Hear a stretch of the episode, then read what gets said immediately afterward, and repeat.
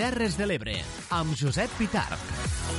Molt bon dia, què tal? Salutacions cordials. Avui que és dimecres, 2 d'octubre, iniciem a la mateixa hora de sempre, a la 1 i 5, el programa, el magazín informatiu al dia Terres de l'Ebre, un programa que de manera conjunta fem sis emissores municipals de les nostres terres i que vostès poden seguir a qualsevol dels dials d'aquestes emissores.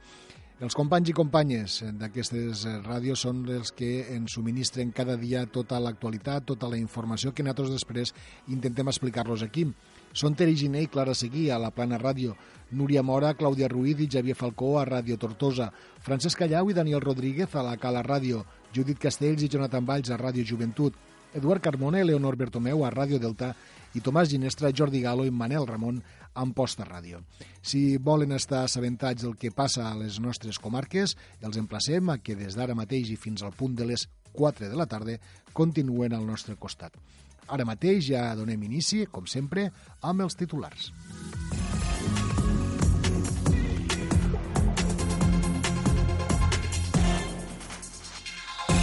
Uns titulars que en el dia d'avui tornen a estar marcats per aquesta controvèrsia entre els eh, defensors i els eh, detractors, en aquest cas de la festa amb bous, i que presenta les següents notícies. Esquerra Republicana de Catalunya del Tebre reclama a l'alcalde Lluís Soler que lidere un front institucional de poble en defensa de les festes dels bous a les Terres de l'Ebre.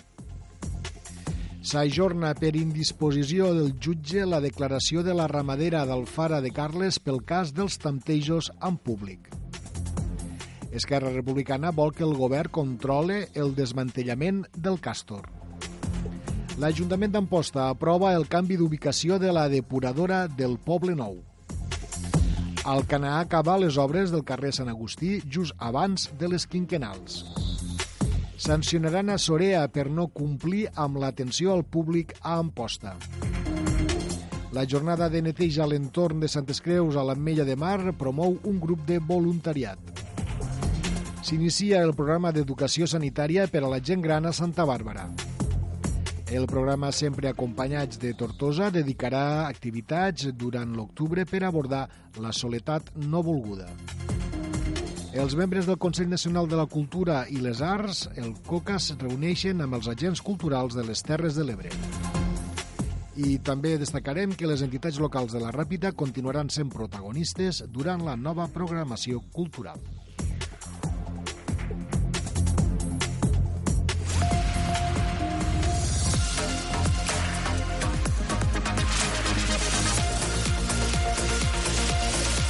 Al dia com els dèiem, un dia més obrim el temps de les notícies amb un ampli bloc per parlar-los de qüestions relacionades amb la festa dels bous. Esquerra Republicana del Tebre reclama a l'alcalde de la població, a Lluís Soler, que lidere un front institucional de poble en defensa de les festes dels bous a les Terres de l'Ebre.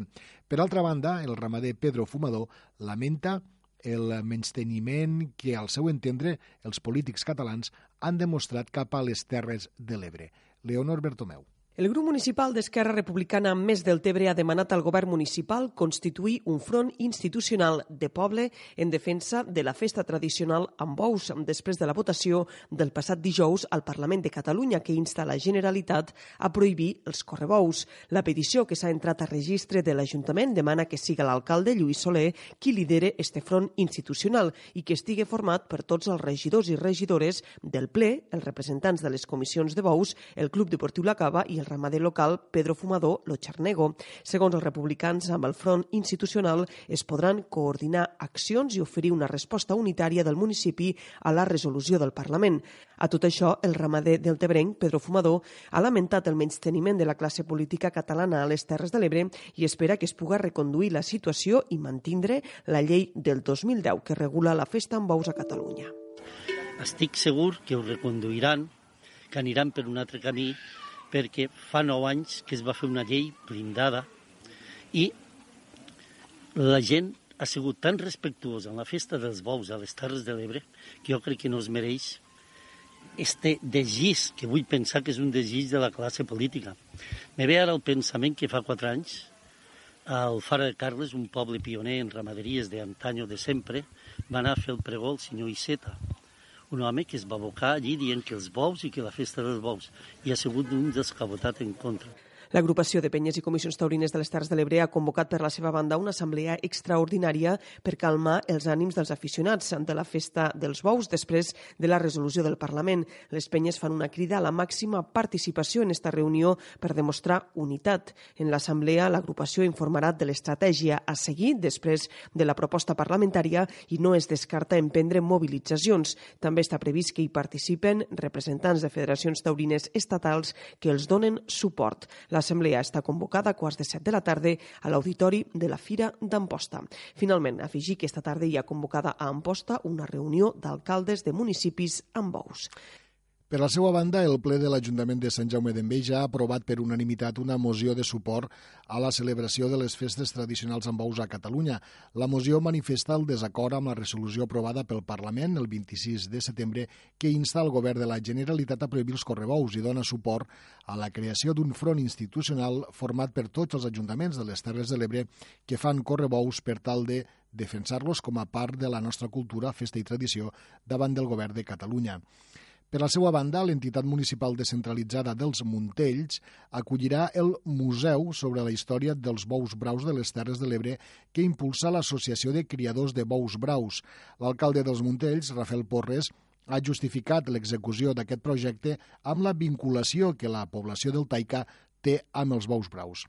Des de l'Associació de Criadors de Bous Braus, el seu president, Paco Palmer, ha agraït la decisió de l'entitat municipal descentralitzada dels Montells d'acollir el museu.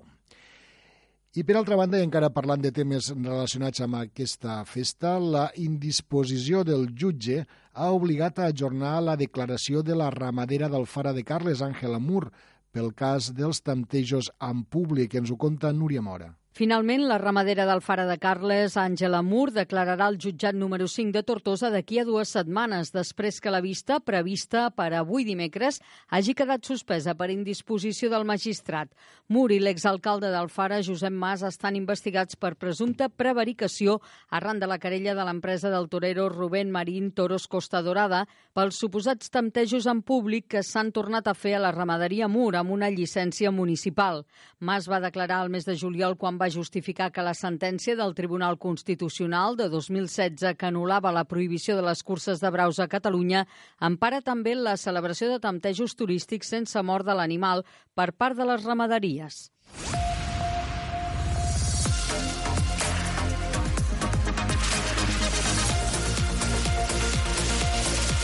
Al dia. Abordem ja altres qüestions. Esquerra Republicana ha presentat un document de conclusions de la Comissió d'Investigació del cas Castor al Parlament de Catalunya. Exigeixen la depuració de responsabilitats i que l'empresa ACS assumeixi el cost del projecte fracassat, una xifra que ja podria passar dels 2.000 milions d'euros. Terigine. Efectivament, el document que ha presentat Esquerra Republicana demana que el govern espanyol controla i fiscalitzi el futur desmantellament de les instal·lacions del fallit magatzem de gas submarí. Recorden que els promotors acumulen cinc sentències judicials contràries que passen dels 2.000 milions d'euros i que reclamen que la promotora ACS ho assumeixi. Recorden que el desmantellament va ser anunciat recentment, tot i que fa sis anys que està pendent, fet que encareix amb el temps el cost del manteniment finançament i els recursos eh, que s'hi han de destinar. Escoltem Lluís Salvador, diputat d'Esquerra Republicana al Parlament. L'objectiu segurament de tots plegats hauria de ser que eh, la factura, aquests 2.000 milions d'euros que en aquests moments hi han de costos damunt de la taula, els acabi pagant el responsable, qui els ha provocat, que en definitiva és l'empresa Escal eh, UGS i eh, ACS com a principal, com a principal eh, accionista, que la planta no està desmantellada 15 milions d'euros, eh, però a més a més el fet de no cobrar gas eh, pot acabar posant en risc la seguretat de la planta, la seguretat de, de la salut pública i la seguretat eh, del, medi, del medi ambient. Els republicans demanen l'anul·lació de la modificació dels límits marítims aprovada pel govern espanyol i rectificada poc després. Estava passant l'àrea que administrava la Generalitat de Catalunya a la comunitat valenciana per impedir que la Generalitat incidís en el desenvolupament i tramitació de la concessió del projecte Castor. Parlem tot seguit d'obres. La precaució per evitar males olors a la població de, en aquest cas del Poble Nou del Delta, fa canviar la ubicació de la futura depuradora d'aigües residuals d'aquest nucli. De com ha estat eh, tot plegat ens ho explica Manel Ramon. Doncs així és, l'Ajuntament d'Amposta ha aprovat per unanimitat eh, la reubicació de l'estació de depuració d'aigües residuals del Poble Nou del Delta, tot i que la depuradora del Poble Nou estava projectada des del 2009, l'Agència Catalana d'Aigua la tenia prevista eh, pel pla 2021-2027. Davant la urgència de la situació, el consistori va aconseguir que es tingués previsió per al 2016-2021 i actualment s'estan redactant els projectes tant de l'estació depuradora del Poble Nou com de la zona d'eucaliptus. Tot i això, i fruit d'una assemblea popular, el veïnat del Poble Nou va demanar que es modifiqués la ubicació de la depuradora, ja que en la ubicació inicial de l'estació defensada per l'ACA, els corrents d'aire feien que les males olors es traslladessin fins al nucli habitable. Així ho explicava el portaveu d'Esquerra Republicana a l'Ajuntament d'Amposta de l'equip de govern, Miquel Subirats. Un cop vam aconseguir que l'ACA mos tingués en compte la nostra petició, ho ha posat dins el pla eh, 2016-2021 ja s'està redactant el projecte, l'únic que aquí ens vam trobar en una petició, una reivindicació històrica de la gent del Poble Nou que ens demanava un canvi d'ubicació perquè tal on estava ubicada, on estava projectada la, la depuradora inicialment, la Rosa dels Vents indicava que passava, el vent passava per dalt mateix del, del terme municipal i això a la gent del Poble Nou li generava la inquietud que en algun moment donat això pogués fer olor.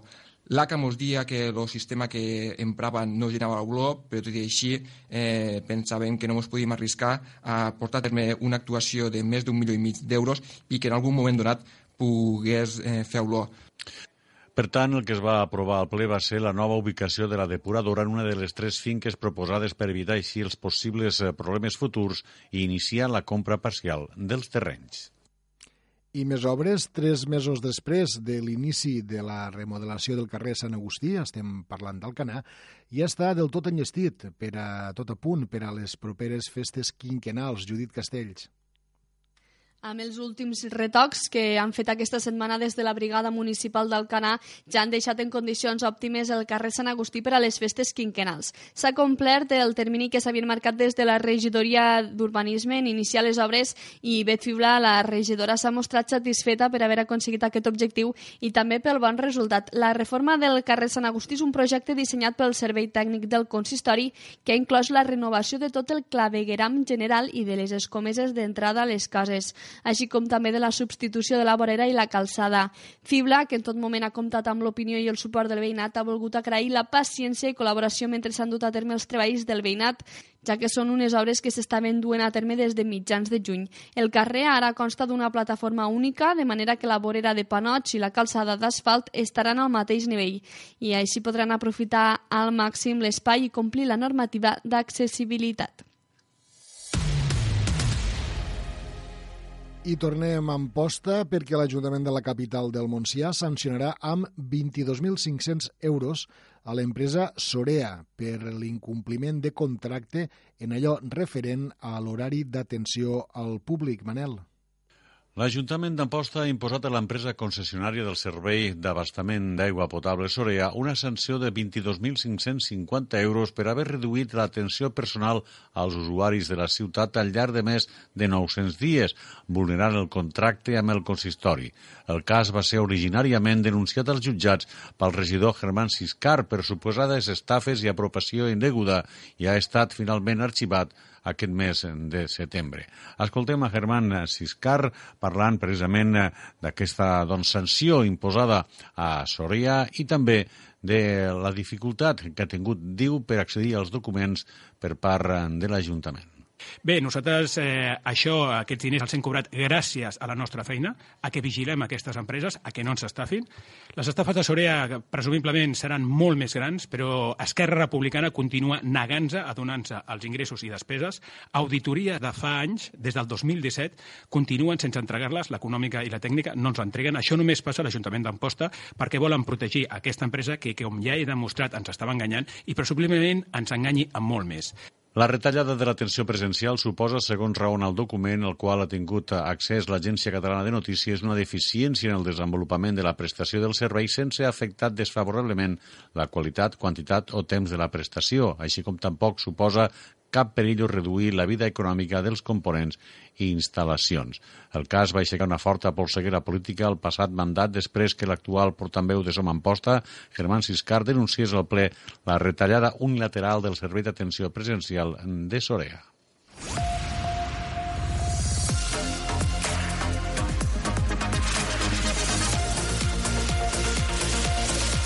Al dia. S'inicia el programa d'educació sanitària per a la gent gran a Santa Bàrbara aquest mateix mes. Són unes activitats que s'enmarquen dintre de les línies estratègiques del CatSalut, xerrades que es duen a terme a tota Europa per tal d'ajudar la gent gran a tenir una vida més activa i més independent. Tere Giner. Efectivament, i a Santa Bàrbara són impartides per la farmacèutica Àngels Bertomeu, on any rere any ens apropa al món de la medicina d'una forma entenedora i dinàmica per tal de poder conèixer tota aquella informació que necessitem saber sobre algunes malalties o sobre els bons hàbits, entre d'altres temes. El primer any del cicle es va parlar sobre el bon ús dels medicaments i la importància de seguir bé els tractaments. Àngels Bertomeu explicava que s'ensenyen nous conceptes com el fet de conservar els medicaments o qüestions referents a les dosificacions aplicacions. És que sembla uns temes que siguin molt bàsics, però que ajuden molt, perquè, clar, la gent gran mm, normalment està polimedicada. Llavors, això pues, eh, els ensenyava pues, nous conceptes, la manera de com conservar els medicaments, de, bueno, les dosificacions... Penso jo que és útil. A la segona edició es van tractar els temes que cal saber sobre els antibiòtics, eh, com prendre'ls d'una manera correcta. Ahir, primer d'octubre, van tornar aquestes xerrades sobre educació sanitària per a la gent gran a l'Smart Centre. Eh, concretament, el primer dels temes que van abordar va ser què cal saber sobre la hipercolesterolèmia, un apropament a una malaltia silenciosa que cal tractar quan existeix. La segona fase d'aquest cicle es titularà La diabetis. S'impartirà el dia 22 d'octubre a les 6 de la tarda a l'Smart Centre. Després de les xerrades, els assistents també poden avaluar i valorar la temàtica tractada. I ara anem cap a la Mella de Mar. Més de 50 voluntaris van netejar dissabte passat els entorns de l'espai d'interès natural de Santes Creus en aquesta població amb l'objectiu de millorar l'estat de conservació i sensibilitzar a la població sobre la seva importància. En total es van recollir 170 quilos de deixalla. Francesc Callau. Els voluntaris es van distribuir pel tram de costa entre la mateixa platja de Santes Creus i Port Olivet. L'interès dels participants ha fet que es creï un grup de voluntariat via WhatsApp. L'objectiu és mantenir-se en contacte i fer més accions com aquesta. Eli Bonfill és la coordinadora de custòdia marina de Graelsia. La jornada de neteja d'aquest dissabte va estar molt bé. Vam ser 52 persones, des de xiquets i xiquetes de 4 i 5 anys fins a gent més gran, tothom preocupat pel mateix objectiu. La majoria d'ells i d'elles ja m'explicaven que també fan neteges quan van a la platja, no, pel seu compte, o quan passegen per, per la natura, així que és gent supersensibilitzada. I vam recollir 172 quilos de deixalles. De tot això està molt xulo perquè ha sortit un grup de WhatsApp de totes aquestes persones per poder anar quedant de tant en tant per anar fent neteges així que si algú vol participar en futures neteges, doncs que escrigui al Facebook de Graèlcia amb el seu telèfon de contacte i així podrà estar informat. Les persones que estiguin interessades en apuntar-se a aquest grup ho poden fer posant-se en contacte amb Graelsia a la seva pàgina web o xarxes socials. La creació d'un grup de voluntariat és un dels punts inclosos en l'acord de custòdia que l'entitat té amb l'Ajuntament de la Mella de Mar. I temps ja per a la cultura. Els membres del Consell Nacional de la Cultura i les Arts s'han compromès, després de reunir-se amb els agents culturals ebrencs, a fer tot allò que calgui per tal de que continuen tenint visibilitat dintre del panorama català. Leonor Bertomeu. El Consell Nacional de la Cultura i de les Arts, el CONCA, ha pres el pols esta setmana les necessitats i inquietuds dels agents culturals de les Terres de l'Ebre. La presidenta del CONCA, Vinyet Panyella, ha destacat l'excel·lent i extraordinari moment creatiu del territori i ha assenyalat que la qualitat de les propostes culturals ebrenques la certifiquen els premis nacionals i europeus que han rebut Literarum o el del Tebre Dansa. Que el Literarum ha tingut una, un premi nacional molt merescut perquè no és habitual fer una fira literària com la vostra, que és de primera magnitud, però és que a més a més hi ha l'IRMU, a més a més Deltebre acaba de guanyar un premi a nivell europeu la setmana passada, i per tant doncs, el moment creatiu és excel·lent i extraordinari. Jo crec que d'això ens hem de felicitar, us hem de felicitar. Els membres del CONCA, que es van reunir dilluns a Mora la Nova, s'han compromès amb els dinamitzadors ebrencs a vetllar, assessorar i promocionar-los perquè segueixin tenint visibilitat. Doncs justament música, teatre i conferències tindran cabuda aquest mes d'octubre a la ciutat de Tortosa en una nova edició del Sempre Acompanyats, que vol abordar, recorden, la soledat no volguda. Clàudia Ruiz. L'Ajuntament de Tortosa, juntament amb l'obra social La Caixa i Creu Roja Tortosa, mantenen un any més el programa Sempre Acompanyats, treballen dia a dia per detectar i resoldre les situacions de soledat no volguda que afecten la gent gran de la ciutat, una realitat que cada vegada afecta més persones, però que continua sent tabú, tal com explica la tècnica del programa Sempre Acompanyats de la Fundació La Caixa, Amaya Silvetti. Que es vincula a sentiments de fracàs, de culpabilitat de les persones i que, per tant, això té un impacte directe directe amb la invisibilitat d'aquestes situacions, que són situacions que les persones viuen en silenci, que les viuen a la seva esfera més, més íntima, més privada i que per tant costa detectar aquestes situacions i costa per tant a donar una resposta a, a totes les persones que es trobin en, en, en soledat. Per donar a conèixer el programa, al llarg de l'octubre duen a terme diverses activitats coincidint amb el Dia Internacional de la Gent Gran, que es commemora justament l'1 d'octubre.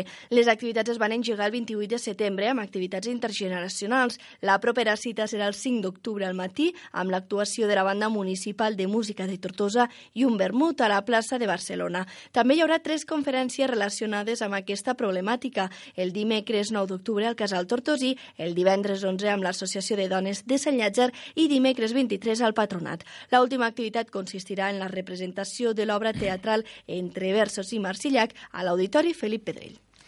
I durant la programació cultural de la Ràpita, que recorden s'acaba de presentar, les entitats culturals locals també tenen un paper molt important i que justament es vol reconèixer des de l'Ajuntament rapitenc. Ens ho explica Judit Castells. Sembla que no tenim a punt aquesta crònica. Passarem en tot cas a una altra també que parla de cultura.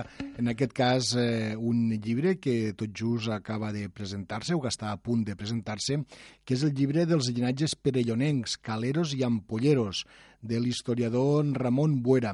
És un estudi destinat a entendre la història dels cognoms, les famílies i els primers pobladors del Perelló, de la Mella de Mar i de l'Ampolla, gràcies a l'estudi fet a través de més de 100 arxius de parròquies i institucions. Francesc Callau.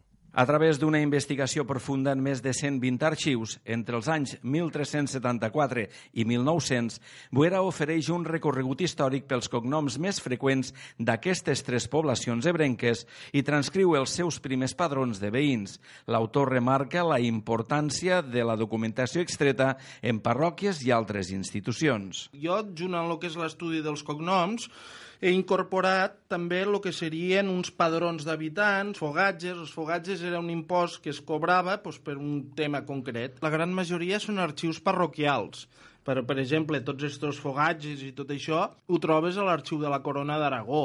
N'hi ha un, per exemple, que és el padró d'habitants de 1817, que és el que mana fer l'obisbe de Tortosa, Manuel Ros i Medrano, després de la guerra de, del, del francès, d'independència, este, per exemple, és molt curiós perquè és el primer padró d'habitants que hi ha de la Mella de Mar, 1817, és els inicis de la població de la Mella, que és el primer padró que no es fa, en principi, en un afany només recaudatori i que fa una relació més enllà dels caps de casa que surten les dones, surten els sogres, surten els fills, vull dir, ens dona més informació que el simple fogatge de tota la vida. El llibre, que ja es pot adquirir a les llibreries locals, serà presentat el pròxim dijous 3 d'octubre a les 7 de la tarda a les Escoles Velles del Perelló i el divendres 4 d'octubre a les 6 al Centre d'Interpretació de la Pesca de l'Ametlla de Mar. Gràcies, Francesc. I ara sí, reemprenem la notícia que els havíem anunciat la, durant la programació cultural de la Ràpita, que, com ja saben, van presentar-se van presentar ahir. Les entitats culturals del poble també tenen un paper molt important i justament és el que ara vol reconèixer l'Ajuntament. Judit Castells.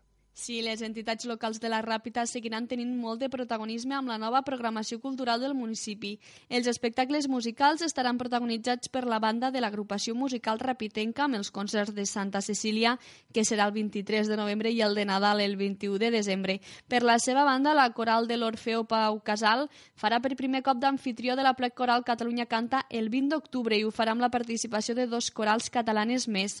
El Cineclub La Ràpita continuarà oferint dues projeccions mensuals mensuals del millor cinema de culte i el cicle Gaudí i un cop al mes oferirà una estrena de cinema fet a Catalunya.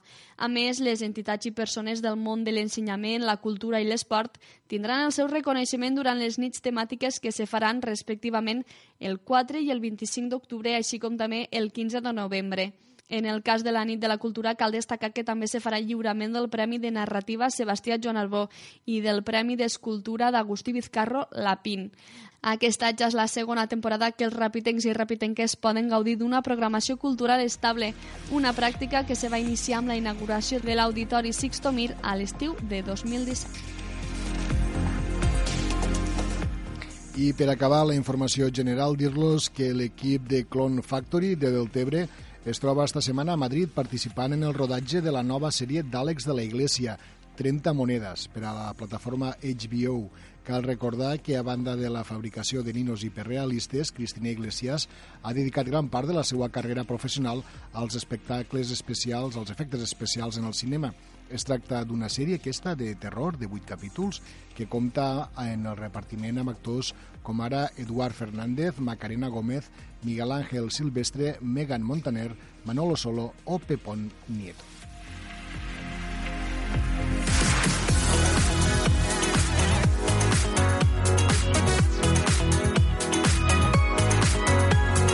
El dia Terres de l'Ebre, amb Josep Pitarc.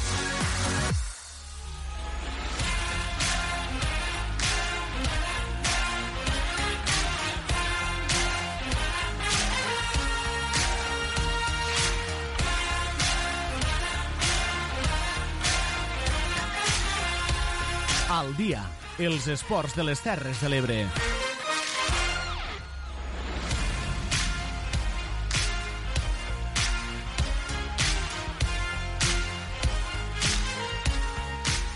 Donem inici ja als esports, una actualitat esportiva que avui vindrà marcada pel, eh, pel, mm, en aquest cas per l'activitat poliesportiva. Destacarem, en primer lloc, que el sènior del Club de Bàsquet Cantaires de Tortosa s'estrena a territorial imposant-se a la pista del Salou. Primers partits de la temporada per als equips femenins del vòlei Roquetes. Diferent sort dels equips caleros a la Lliga de Futbol Sala de les Terres de l'Ebre. També aquest dissabte comença la temporada de futbol sala a Amposta. I els veterans de la Cala debuten a la Lliga al camp de l'Alcanar.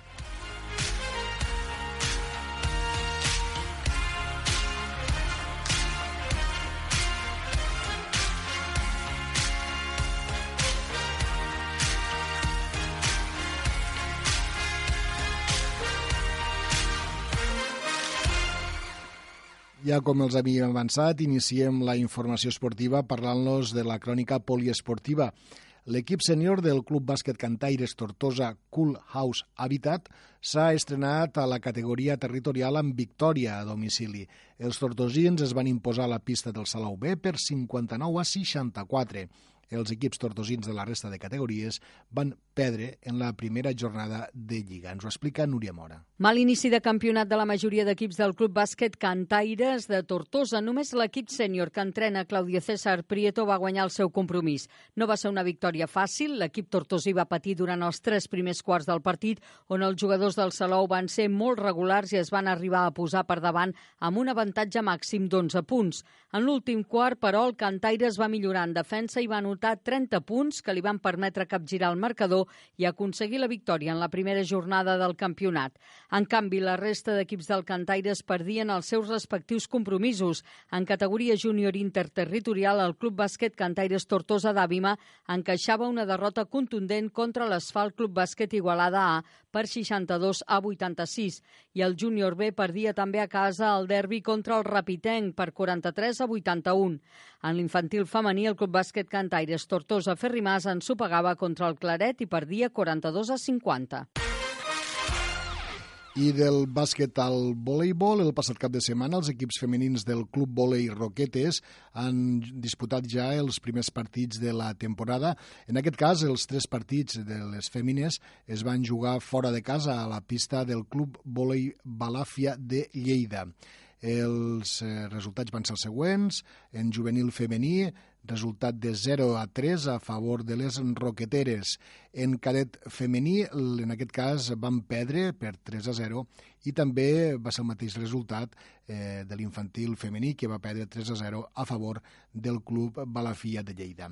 Pel que fa a la propera jornada, el proper cap de setmana, tots els equips del club de vòlei Roquetes jugaran a casa i els equips masculins s'estrenaran pel que fa en aquesta temporada.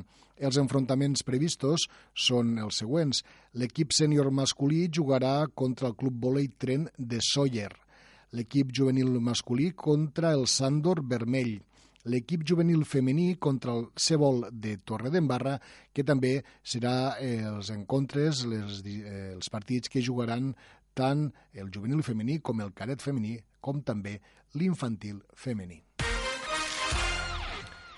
I els equips caleros que disputen aquest any la Lliga de Futbol Sala de les Terres de l'Ebre van tenir diferent sort en els partits disputats el passat cap de setmana corresponents a la segona jornada del campionat. Així, mentre l'AME de la Mella de Mar es va imposar al eh, Futbol Sala d'Ertochip a Camarles per 5 a 6, els AME Bull Boys van perdre a Deltebre davant de l'Associació de Futbol Sala del Tebre Motors per 6 gols a 2. Francesc Callau. En un partit molt disputat, l'àrea municipal d'esports de la Mella de Mar va saber patir per aguantar un resultat favorable de 5 a 6 que va perillar en els darrers minuts. Gerard Figueres amb 3 gols, Eduard París amb 2 i Carlos Guamanchuno amb 1 van fer possible la victòria final. Pel que fa als AME Bull Boys, els caleros van aguantar l'empat en una bona primera part. A la segona, una desconnexió de tres gols en pocs minuts va permetre al Deltebre marxant al marcador i obrir la porta a la golejada per 6 a 2. Sergi Quintana i Pau Gallego van fer els gols caleros. Després d'aquests resultats, tots dos equips figuren a la classificació, amb un triomf cadascun i tres punts a la novena i desena posició. L'àrea municipal d'esports de la Mella de Mar jugarà aquest cap de setmana de nou a Camarles davant del PB Lligallos GP Motor, mentre que l'AME Bull Boys ho farà dissabte a les 3 de la tarda al Poliesportiu Municipal Galetet davant del Pauls. Gràcies, Francesc. I ja que parlàvem de futbol sala, els direm que justament aquest dissabte comença la temporada de futbol sala a Amposta. Tomàs Ginestra. Aquesta setmana torna la competició de Lliga per al futbol sala a Amposta en diferents categories. L'equip referència del territori vol tornar a donar-ho tot per tornar a tindre raons per lluitar al màxim nivell. Tornar a la competició i els nervis per jugar-se a punts i la il·lusió de sumar-los per fer una bona temporada. El sènior masculí competirà a la divisió d'honor catalana amb equips coneguts i nous, però amb un nivell molt exigent, un grup compost per 14 equips que ho donarà tot des del primer minut de joc. Aquests són els equips. Tortosa Germans Gèlida, Agramunt Torrons Vicenç, el Futbol Sala Amposta, Club de Futbol Sala Mediterrani, Grup Elias Restaurant Torreferrera, Salou B, Futsal Valls, Tecnòvit Alforja, Torredembarra, Enfaf, Inter els Pallaresos, Alcoletge, Lleida B i Vilarrodona. El sènior del futbol sala Amposta debuta a casa dissabte a partir de les 5 de la tarda contra el club de futbol sala mediterrani Josep Casado Assessors. Abans, el juvenil del futbol sala Amposta A debuta a les 3 contra el gimnàstic de Tarragona A. El cadet de l'Amposta Futbol Sala A es desplaça a la Conca del Barberà per jugar contra el Club de Futbol Sala Montblanc Martí Lomà A. Serà dissabte a partir de les 4 i mitja de la tarda. I també el sènior femení debuta dissabte al grup 3 de la primera divisió en femení Futbol Sala contra el Agramunt. I encara un apunt esportiu per explicar que l'equip de futbol de l'agrupació de veterans de la Mella de Mar Debutarà aquest cap de setmana la Lliga de Veterans de les Terres de l'Ebre. Els caleros tenen com a objectiu millorar la tercera posició assolida la temporada passada. Francesc Callau. Tot i la discreta trajectòria dels veterans de la Cala en la disputa de la Copa Terres de l'Ebre, on van ser eliminats a la segona ronda, l'agrupació de veterans de la Mella de Mar surt confiat que faran un bon paper a la nova temporada. Amb l'experiència que els hi donen tres temporades de competició i amb les noves incorporacions, entre les quals s'hi compta Luca Giordano, jugador del primer equip la passada temporada, els de la Mella de Mar esperen fer un bon campionat. En el darrer partit de pretemporada, els caleros es van eh, imposar per 3 gols a 1 al Delta de l'Ebre. Joan Pere Llambric és l'entrenador dels veterans de la Cala. Jo crec que arribem a jugar aquest partit pues, al moment que tindríem que arribar millor per a nosaltres, sí que arribem en, en homes lesionats lesionats, amb moltes baixes, però bueno, ells també jo crec que no estiran com estan, la temporada ja està arrencada i crec que allí pues, els podem sorprendre una miqueta, sí que ja ens coneixem els dos equips. Jo crec que podem, lo competirem el partit i crec que es veurà un bon partit i si no estan atentos podem donar la sorpresa també. Dissabte a la tarda debuten al camp de l'Alcanar, finalista de Copa i campió de la Lliga de la temporada passada.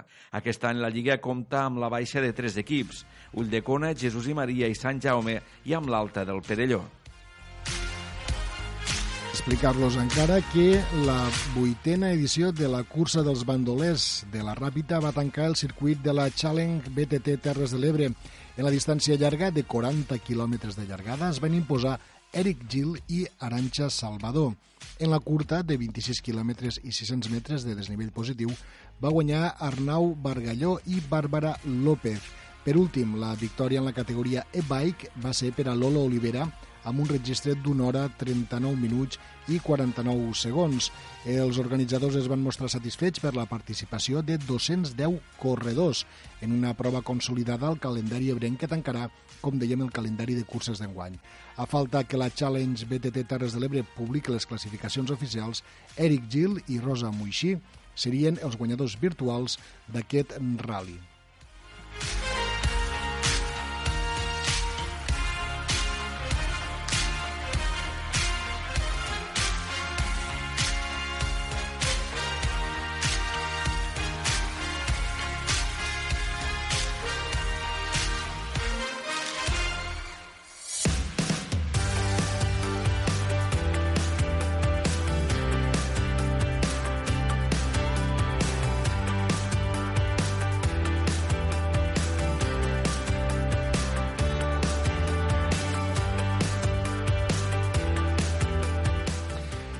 Els propers dies 5 i 6 d'octubre, Mora la Nova celebrarà la tercera edició de la Festa del Tren al Museu del Ferrocarril. El programa d'enguany continua centrat en les activitats adreçades a tots els públics i molt en especial al públic familiar. Tallers dedicats a la música, a l'art, al reciclatge de materials, els retallables, els contes, els jocs, espectacles de titelles, una visita guiada pensada per als més petits, tot això, a més a més, eh, també sense oblidar un dels plats forts de la festa del tren, que tornarà a ser la visita teatralitzada, un passeig per l'estació a càrrec del grup de teatre local L'Estació, a més de la possibilitat, evidentment, d'accedir al material ferroviari exposat i en moviment, els participants podran gaudir de recorreguts dintre del recinte del museu, a bord de les vagonetes de passeig El Tiro, així com de la locomotora Memé, també es presentaran les novetats de la gran maqueta en construcció Basingstock molt avançada i els elements que s'estan restaurant pel tren històric turístic Lo Caspolino. Senyor Josep Moragrega, bon dia. Hola, bon dia. Josep Moragrega és eh, responsable del Museu del Ferrocarril de Mora la Nova. Eh, Josep, mm, tornem a estar ja davant d'una nova edició de la Festa del Tren. Suposem que tot a punt, no? Sí, bé, ja sabeu que els últims dies sempre són de preparacions i d'anar acabant de polir detalls, però sí, sí, estem preparats per acollir la festa. I, i d'aquesta festa, dies eh, 5 i 6, recordem als nostres oients, eh, quines, quines són les principals novetats que podrem gaudir enguany? Bé, la festa, com sabeu, ja heu mencionat, és una tercera edició.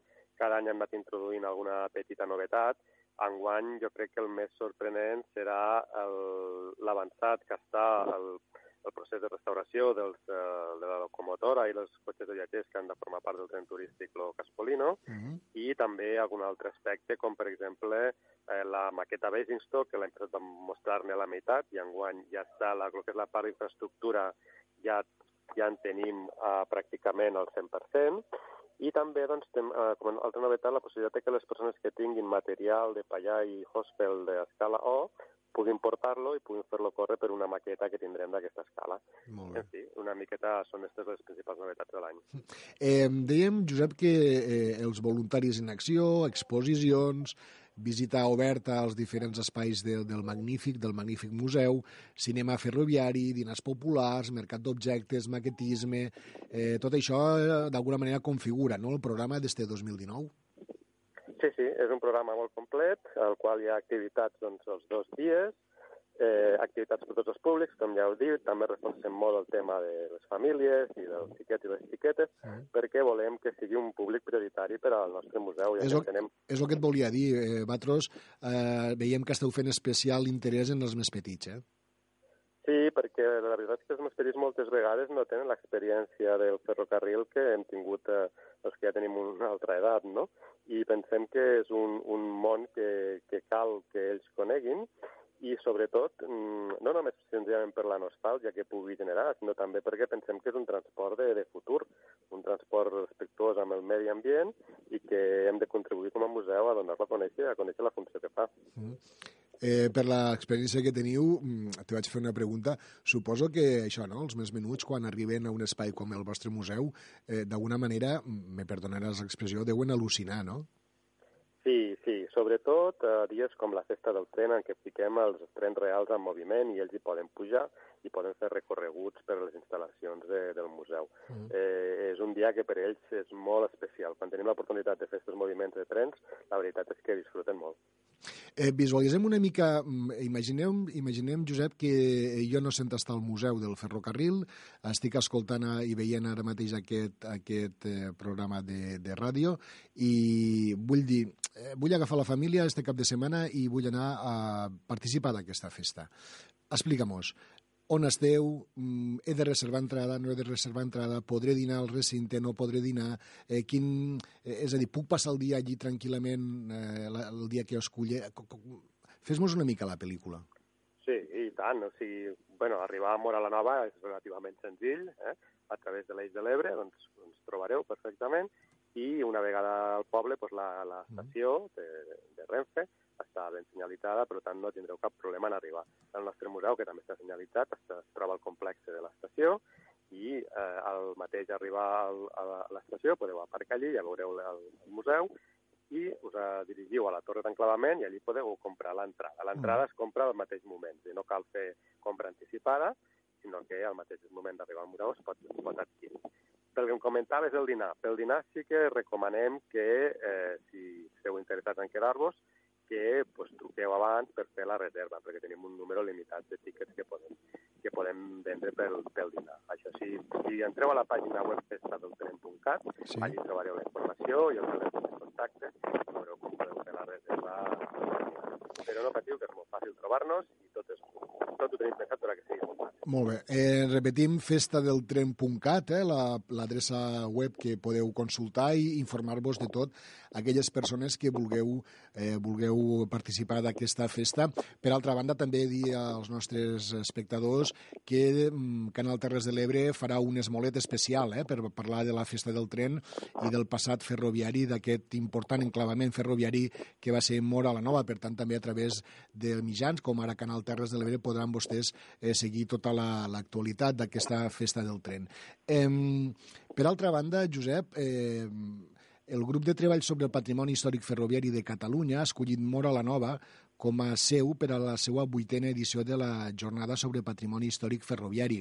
Ja sé que eh, és un acte eh, diferent, paral·lel al vostre, però que pot ser un prolegomen important, no?, també per a la festa. Sí, sí, a més nosaltres estem totalment implicats, perquè formem part del grup de, de treball i us convidem a tots a participar i este divendres, matí i tarda, al casal municipal de Mora la Nova, la plaça de l'Església. És un acte obert i gratuït i que està dedicat a commemorar el 125 aniversari de la línia que va unir amb trens directes Madrid i Barcelona. És a dir, va ser el primer gran, usos, gran ús de comunicacions de, de l'estat espanyol a nivell ferroviari que va estar actiu en, durant molts anys. Eh, bé, serà un dia de, de xerrades sobre elements patrimonials, sobre temes històrics, que esperem que sigui molt interessant. No, no ho hem comentat, o ho hem comentat molt de passada, ja que un dels plats forts de la festa que vosaltres feu a les instal·lacions del, del museu eh, és eh, l'obra de, de teatre o la, la teatralització no? de, de, un passeig per l'estació del grup eh, L'Estació. Eh, quins passis se fan, quan se poden veure? Ho dic jo perquè aquella gent també que, que tingui pensat pujar-hi, eh, que, que s'ho planifica una mica. Sí, jo penso que és una dels actes imprescindibles de la festa del tren i és de les activitats que més èxit eh, tenen i el públic se'n va sempre encantat. Sempre fem dos passis cada dia, un al matí i un a la tarda. El del matí és a les 12 i quart i el de la tarda a les eh, 5 i quart i bé, ja us dic, és un dels, és un dels grans èxits de la festa del tren i no us ho podeu perdre. No ens podem perdre aquest, eh, aquesta obra teatralitzada, com tampoc els tallers, les exposicions, les maquetes, aquesta divertida mm, possibilitat de pujar a trens històrics com els que guardeu al vostre museu i, i, i, i de fet, anar damunt d'ells, no? anar eh, circular en directe damunt d'un tren, per tant, una festa molt apropiada per a aquest cap de setmana i per a passar-ho bé en família. Efectivament, això esperem. Josep Moragrega, responsable del Museu del Ferrocarril de Mora la Nova. Esperem que tingueu una molt bona festa. Per cert, no sé si mos pots avançar algun projecte de futur de la, de la vostra entitat d'aquí a finals d'any, algo preparant-se?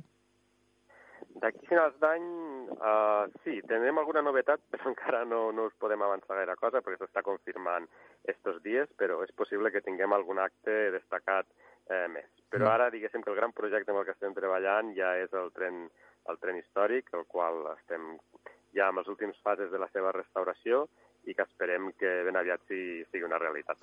Molt bé, ja tindrem ocasió de, de fer esment d'aquesta novetat, d'aquesta proposta que esteu, que esteu enllestint. Nosaltres, de moment, centrem a l'atenció en aquesta festa del tren. Recorden, cap de setmana, Mora la Nova, Museu del Ferrocarril d'aquesta població, tot preparat ja per acollir aquesta magnífica tercera edició de la Festa del Tren.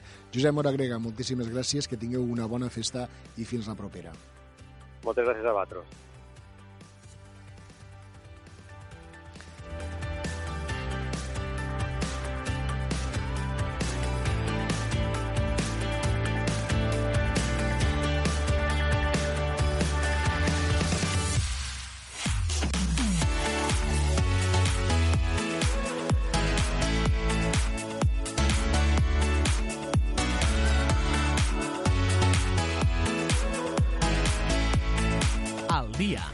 L'agenda de les Terres de l'Ebre.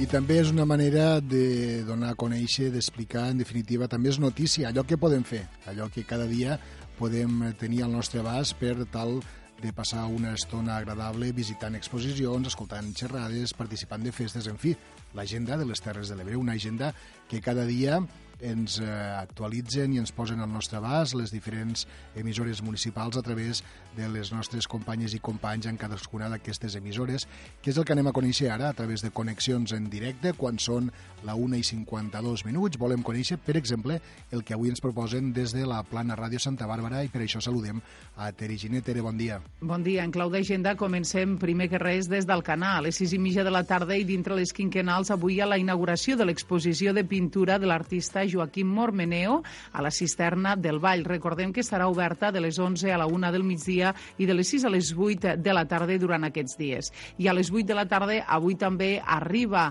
la Mare de Déu del Remei al municipi. Serà rebuda amb focs d'artifici. D'altra banda, us recordem que al Centre d'Interpretació de la Terrissa a la Galera, concretament es pot visitar la quarta mostra Follart fins al dia 27 d'octubre. I al Mas de Barberans continuen també les exposicions al Museu de la Pauma, Fusta Teixida i els Verds del Montsià.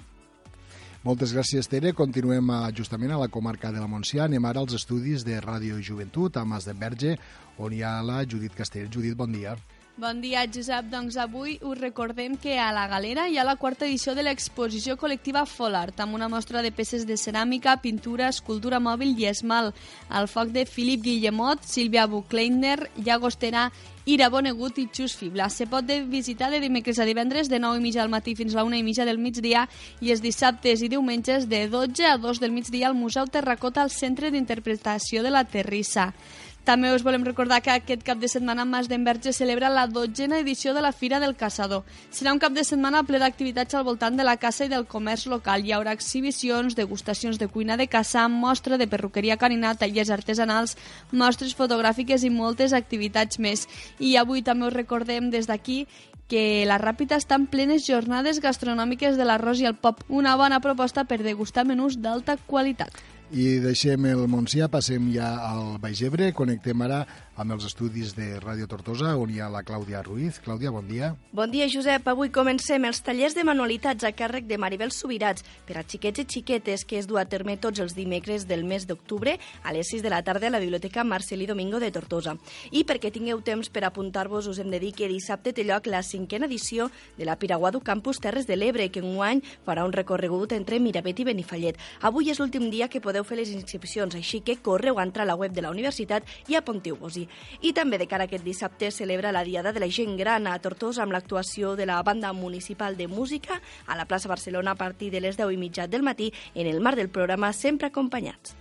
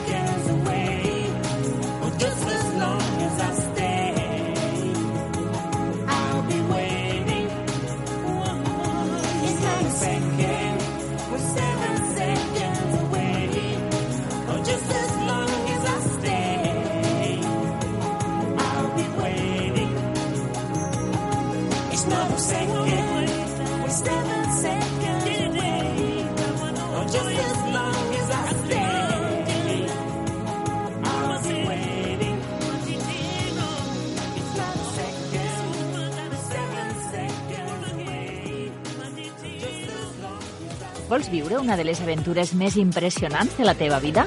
Viu l'experiència Tuna Tour. Gaudeix d'una excursió en catamarà amb sortida del port de l'Ametlla de Mar a la Costa Daurada. Dona de menjar i nada entre els centenars de tonyines roges salvatges. Podràs practicar snorkel i submarinisme i gaudir d'una degustació de la millor tonyina roja al mig del mar. Una experiència didàctica i gastronòmica per gaudir en família. Informació i reserves a tuna-tour.com.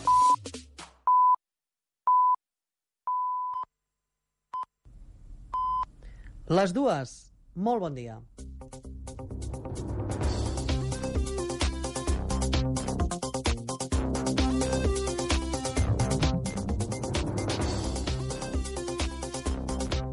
Notícies en xarxa. Edició migdia. Amb Anna Morgades.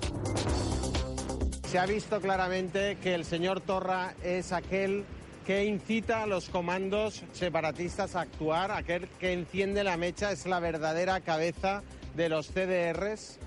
Y gracias a que la Guardia Civil hizo su trabajo, no nos encontramos con otro asalto en el Parlamento. És Carlos Carrizosa, president del grup de Ciutadans al Parlament. Avui els taronges han anat un pas més enllà, vinculant el president Quim Torra amb el CDR detinguts en l'operació Judes. Ara el sentíem i l'hem d'escoltar amb atenció. Acusa directament Quim Torra a partir de l'operació de la Guàrdia Civil, que potser val la pena que recordem que està sota secret de sumari. El situa al capdavant d'una sala al Parlament que s'havia de fer demà. Tampoc en aquest cas cita cap font. En les properes hores presentaran oficialment una denúncia a la Fiscalia i obriran un nou front contra el president de la Generalitat que se suma a la moció de censura que dilluns plantejarà al Parlament la seva cap de files, Lorena Roldán. En parlarem amb la denúncia que Ciutadans portarà a la Fiscalia contra el president Torra. Obrim el Notícies en xarxa aquest dimecres, però també hi tenim altres qüestions, com ara un nou projecte del govern a les Terres de l'Ebre per implicar els més joves en la recuperació de la memòria històrica, Marta Patricio. Es diu Portes de la Memòria i busca que els alumnes d'ESO i batxillerat s'apropin a l'experiència dels abrencs que van viure la guerra i l'exili. L'han presentat aquest migdia a Tortosa els consellers d'Educació i Justícia, Josep Bargalló i Esther Capella. Més coses, parlem de les divergències que amenacen l'espai cràter d'Olot, l'espai que ha de jutjar el futur Museu dels Volcans de la Garrotxa. El PSC presentarà al·legacions a aquest projecte. Estan d'acord amb el concepte i l'emplaçament, però tenen diferències pel que fa a la distribució de l'espai. I atenció, perquè adverteixen que deixaran de donar suport a la iniciativa si no s'atenen les seves peticions. Un descendent del fundador de Danone converteix Avinyonet del Penedès en el segon municipi amb més renda per càpita de l'Estat. És Mauricio Boton, net de qui va engegar el negoci de iogurts. És a la llista dels homes més rics d'Espanya, en el lloc 45, segons dades de la revista Forbes. La seva fortuna ha fet augmentar exponencialment la renda per càpita a Avinyonet i ha situat el sou mitjà dels veïns i veïnes en 73.000 euros anuals. I en cultura avui anem a Sant Cugat del Vallès, que és la seu del Festival Nacional de Poesia. Des de l'any 2001, el municipi dedica una setmana a la producció poètica i fa 5 anys que la cita té abast nacional. Enguany el festival es fa entre el 9 d'octubre i el 9 de novembre i inclou homenatges a Marta Passarrodona i a Narcís Comadira. Doncs en parlarem i en sabrem més a l'espai de la crònica cultural. Ara però aturem-nos un minut, mirem el cel i parlem d'una altra informació que també és important, que és el temps. Volem saber què ens espera a les properes hores. Servei Meteorològic de Catalunya, Francesc Figuerola, què ens expliques? Bon dia. Hola, després del pas del front fred, la temperatura ha baixat. I ho estem notant perquè en aquests moments, al migdia, la temperatura és entre 1 i 3 graus més baixa a punts del litoral i entre 2 i 6 graus més baixa a l'interior, fins i tot entre 8 i 10 a punts del Pirineu, d'alta muntanya. Ambient, doncs, no tan calorós, sobretot per l'època de l'any, fins i tot fresc a la zona del Pirineu i Prepirineu. La previsió per aquesta tarda continua parlant de cel serè, però això sí, creixeran nuvolades al quadrant nord-est que descarregaran algun ruixat aïllat. No descartem que vagi acompanyat amb tempesta. I també algunes nuvolades i núvols d'alts i mitjans viatjaran pel Pirineu i Prepirineu. A banda, el vessant nord del Pirineu ja estarà nuvolat fins al vespre amb alguna tímida precipitació amb cota de neu cap als 2.400 metres. I el vent serà un altre element a destacar avui als dos extrems del país, sobretot arreu, però especialment a l'Empordà, Terres de l'Ebre i cims del Pirineu, on hi poden haver cops molt forts. Demà la situació ja és tranquil·la. Vols viure una de les aventures més impressionants de la teva vida? Viu l'experiència Tuna Tour. Gaudeix d'una excursió en catamarà amb sortida del port de l'Ametlla de Mar a la Costa Daurada. Dona de menjar i nada entre els centenars de tonyines roges salvatges. Podràs practicar snorkel i submarinisme i gaudir d'una degustació de la millor tonyina roja al mig del mar. Una experiència didàctica i gastronòmica per gaudir en família. Informació i reserves a tuna-tour.com.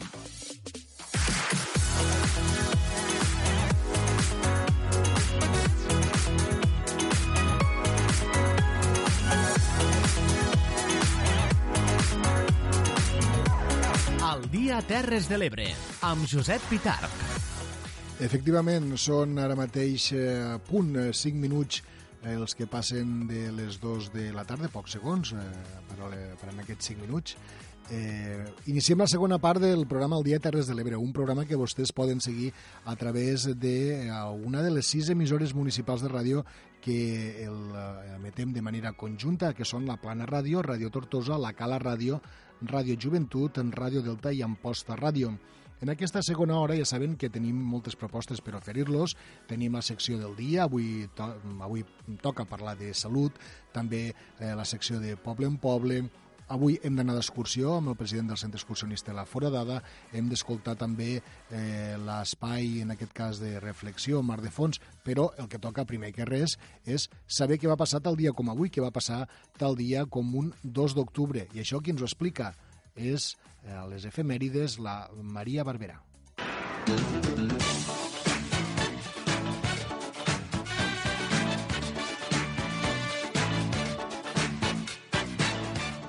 Molt bon dia. Avui, 2 d'octubre, Dia Internacional de la No Violència, anem a recordar els fets més importants que han passat al llarg del temps. Un 2 d'octubre de 1836 tornava a Anglaterra després de 5 anys de viatge a bord de l'HMS Beagle el naturalista britànic Charles Darwin, que havia dedicat tot aquest temps a recollir proves i recopilar dades que més endavant donarien peu a la seva teoria de l'evolució mitjançant selecció natural.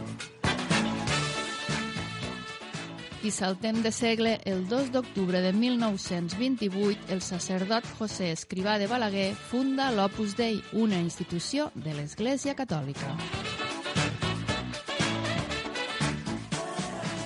Un 2 d'octubre de 1936, la llei d'organització administrativa dictada pel general Franco crea a la zona rebel d'Espanya la Junta Tècnica de l'Estat, el Govern General, la Secretaria de Relacions Exteriors i la Secretaria General del Cap de l'Estat. Als Estats Units, el 2 d'octubre de 1955, s'apagava definitivament l'ordinador ENIAC. I un 2 d'octubre de 1966 s'inaugurava a Madrid l'estadi Vicente Calderón. El 2 d'octubre de 1985 moria als 59 anys l'actor de Hollywood Rock Hudson a causa de la malaltia de la sida, descoberta al 1981 i batejada com la pesta rosa, ja que es pensava que només afectava a la comunitat homosexual.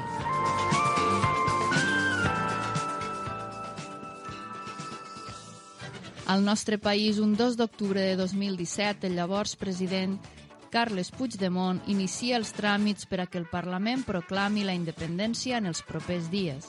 Al mateix temps, Mariano Rajoy responsabilitza el govern català i els seus socis del trencament de la convivència i presumeix d'haver evitat amb fermesa l'atac a l'estat de dret. Els líders europeus, però, condemnen la repressió policial i reclamen el diàleg. I això és tot per avui. Que passeu una feliç jornada i ens retrobem aviat.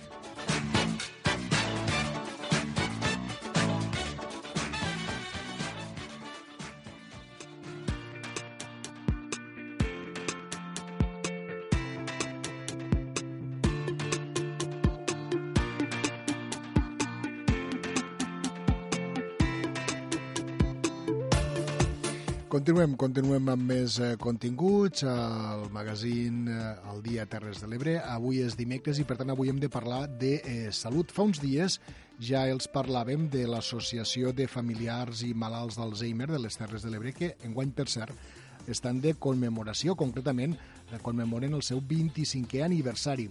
Per conèixer més detalls de l'entitat i també de les actuacions que duen a terme, em sembla que la nostra companya Judit Castells ens proposes la següent entrevista, no? Doncs sí, Josep, i avui concretament anem a conèixer l'Associació de Familiars i Malalts d'Alzheimer de les Terres de l'Ebre, que enguany ha celebrat el 25è aniversari. I per conèixer aquesta associació parlem amb la seva presidenta, Amana Algueró.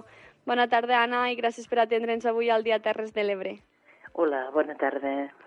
Primer de tot, Anna, sabem que l'Alzheimer treu la memòria a la gent que pateix aquesta enfermetat, però a què se deu? En quin moment una persona pot tenir Alzheimer i suposo que aquesta malaltia provoca altres coses, no? Sí, mira, mm, enguany eh, el lema de la Federació de la Confederació Nacional d'Alzheimer és la nova cara de l'Alzheimer. T'ho dic perquè són nens, són nens. Nens que pot ser d'aquí 40, 50 o 60 anys tindran Alzheimer. L'Alzheimer pot agafar tothom. L'Alzheimer, en principi, eh, fora d'alguns casos genètics que estan molt determinats, que n'hi ha poquíssims en tot el món, els demés són esporàdics.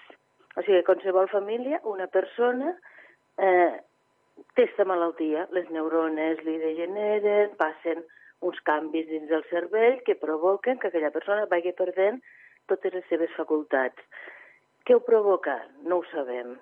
Eh, pot ser una causa genètica remota que també afavoreix el- l'entorn de les persones, el nostre ambient, el que mengem, el que fem, no ho sabem, però a tots els països n'hi ha. Normalment la gent ja té una edat una mica avançada. Eh, se diu que ja és una demència així en gent gran, perquè és a partir de 65 anys que és quan aquí posem la mida de la gent gran, no? Mm. Però hi ha casos de 50 i inclús de 40. Mm, No sé, de cada vegada n'hi ha més i és un tema que és molt preocupant a nivell de, de tots els estats del món. Val, ja resp... Anna ja m'ha respost una mica la pregunta que li volia fer després, una mica aquestes causes, i també comentaves que la majoria de gent que pateixen aquesta malaltia tenen una edat avançada, però també hi ha gent, tal com estàs de- explicant, de 50 o 40 anys que la pateix. Nosaltres, com a ciutadans, hi ha alguna cosa que poguéssim fer per, per evitar? O no, perquè tampoc se sap exactament quina és la causa. Bueno, sí, hi ha coses que, que es poden fer per evitar. Mira, per exemple, el, el, el moure's, el no quedar-se quiet. Eh, veiem que és important fer exercici físic, no exercici físic professional, anar a córrer una marató, no, exercici físic, no, no portar una vida sedentària i després també fer exercicis mentals. L'estimulació cognitiva és importantíssima.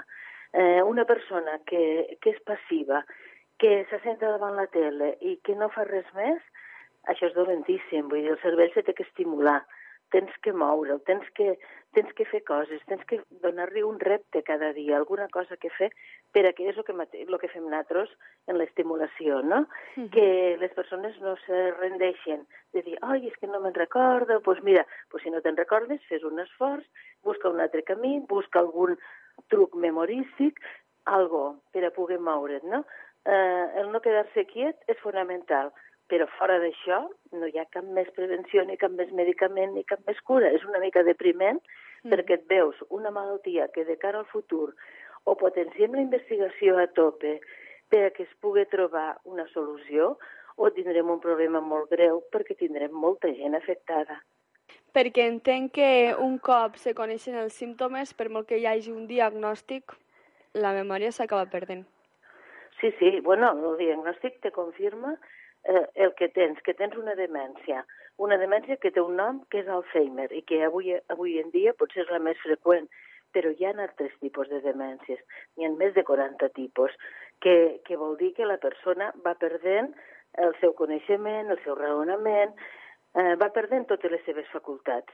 Eh, llavors dius, hem de fer alguna cosa per a que aquestes persones mantinguen el major temps possible aquestes facultats que els hi queden perquè en l'Alzheimer i en altres demències el que es perd ja no es recupera. O sigui, perds la capacitat d'aprenentatge. No pots aprendre coses noves perquè la teva memòria és tan efímera que no retens res. Però les coses antigues que tens consolidades, intentem que no es perguen perquè una vegada s'han perdut ja no les recuperaràs. I nosaltres tenim gent als tallers que, que, està molt, que fa molt de temps que venen i que estan i que es mantenen en una línia bastant estable.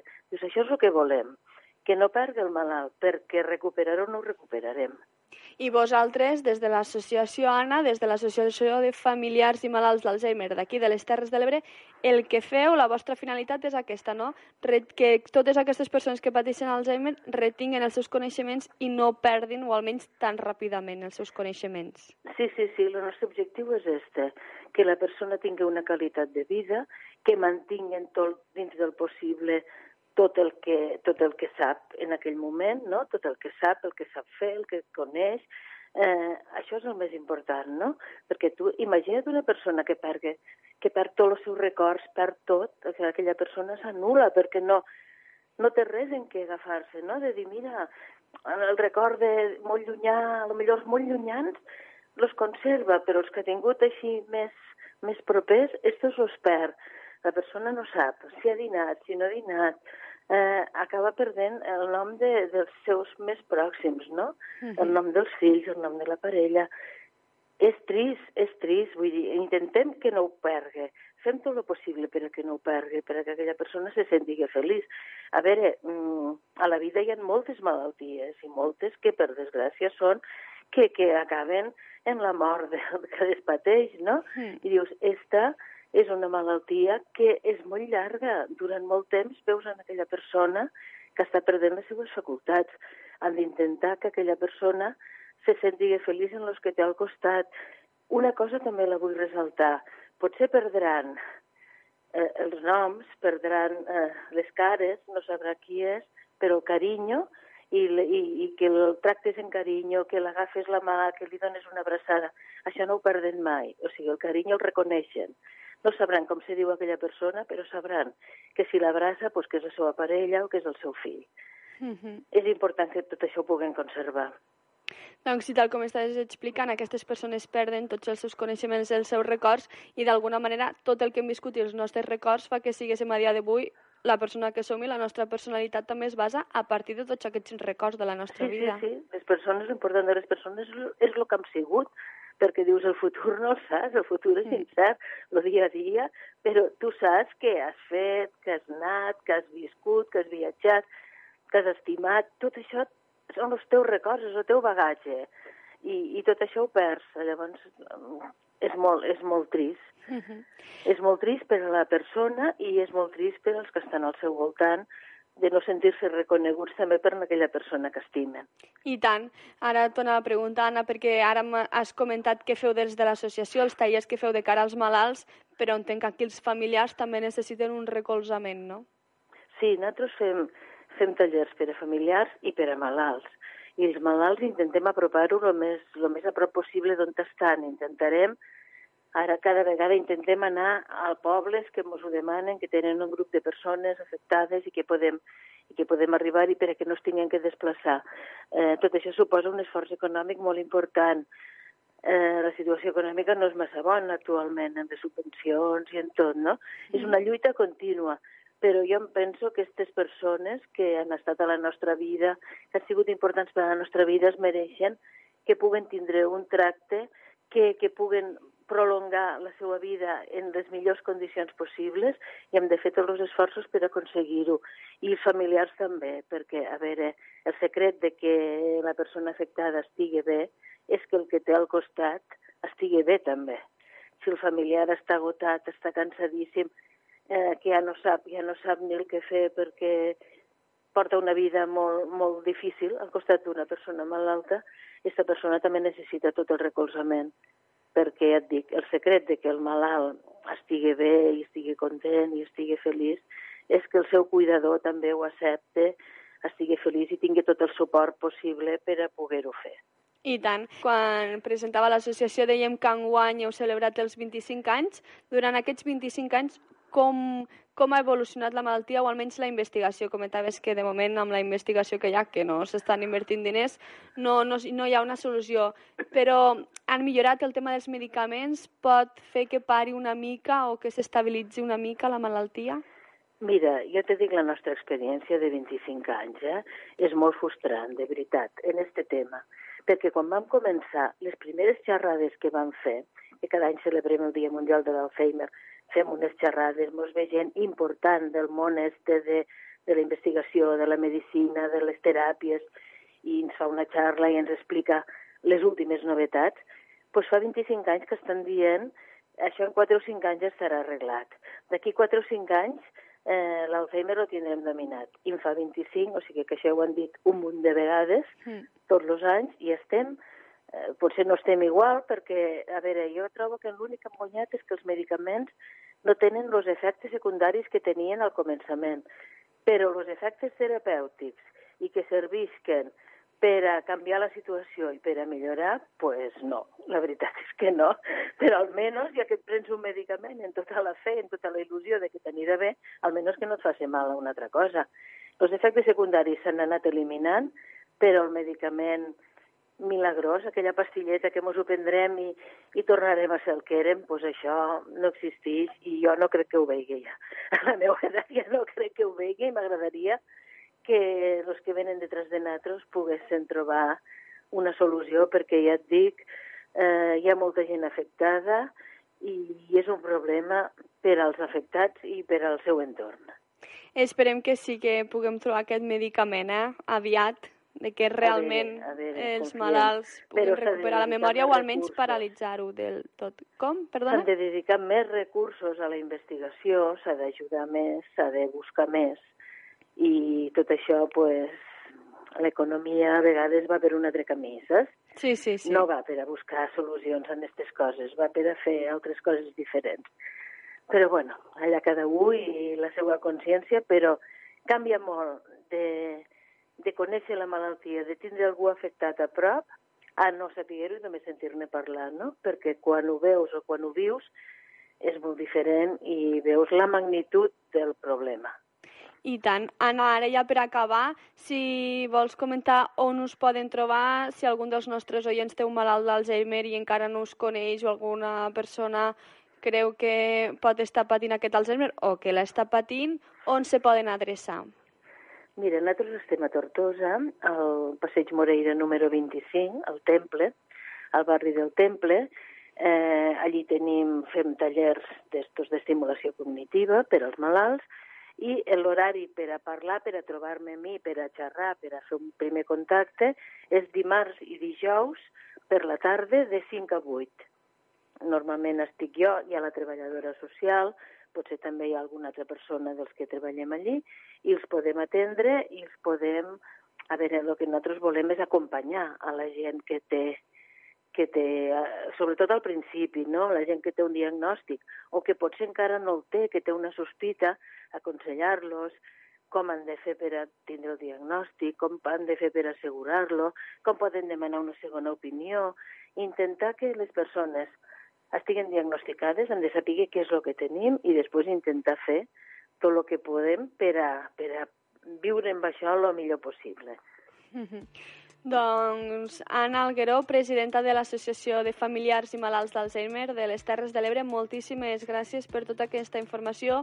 Molts d'ànims per continuar treballant i esperem que aviat hi hagi un medicament doncs, que, que pugui parar, parar aquesta malaltia o almenys Esperem, combatre-la esperem. i esperem que ho puguis veure. Esperem. Pues moltíssimes gràcies pel vostre interès i ja sabeu en què estem. Gràcies.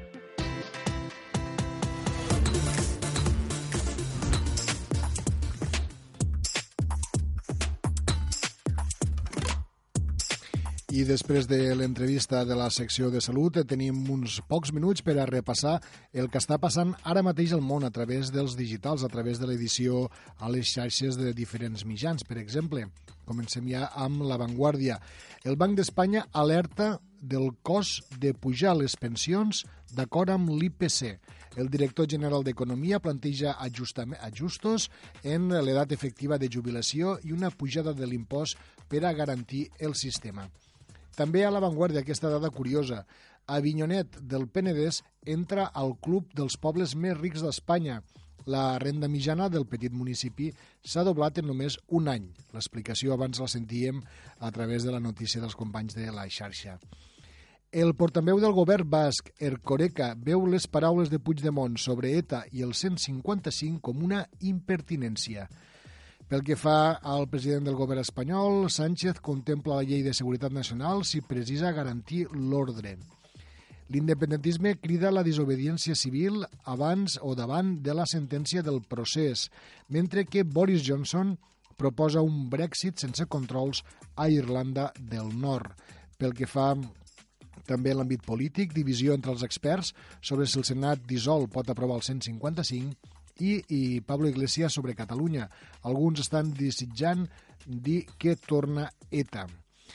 En l'àmbit internacional també no ha passat desapercebuda per a cap mitjà la última ocurrència del president dels Estats Units.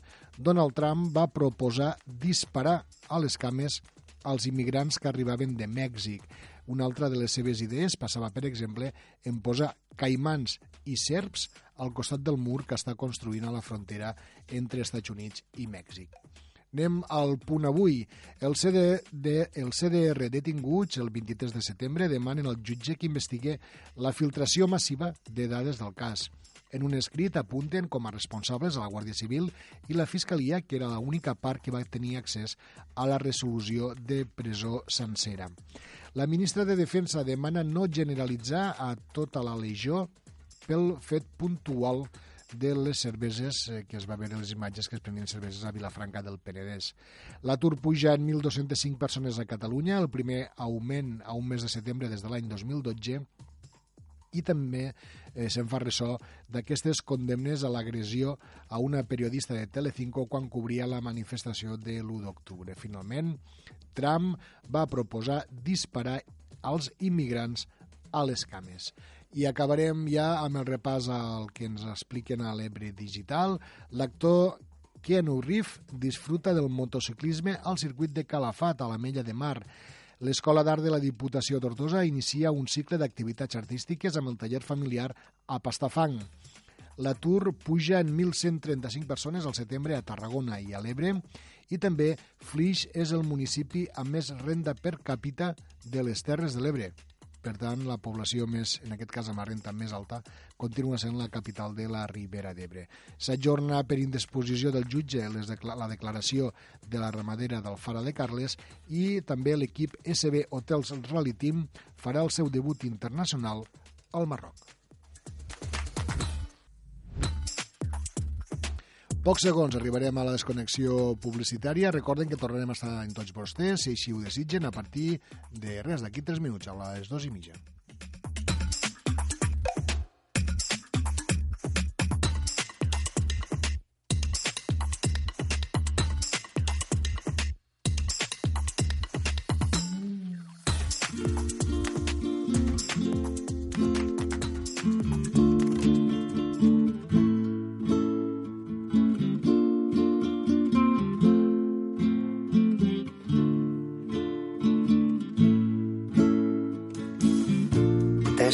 Al mar i a la muntanya, completament al marge de l'activitat industrial, sota una col, canta el poeta.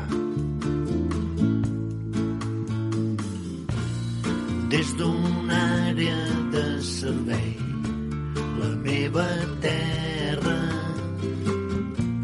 és com un parrac grapejat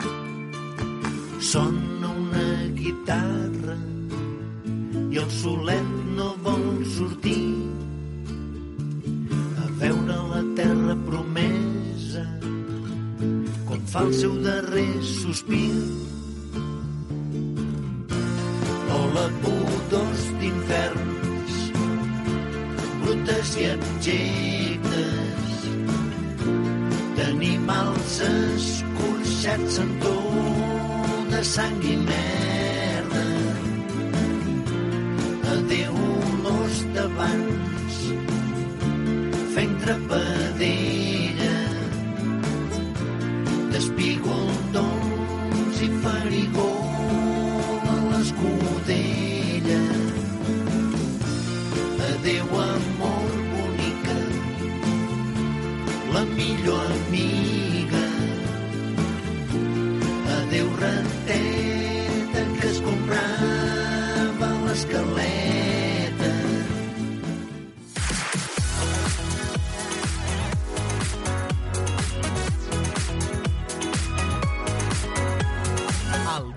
Terres de l'Ebre, amb Josep Pitarc.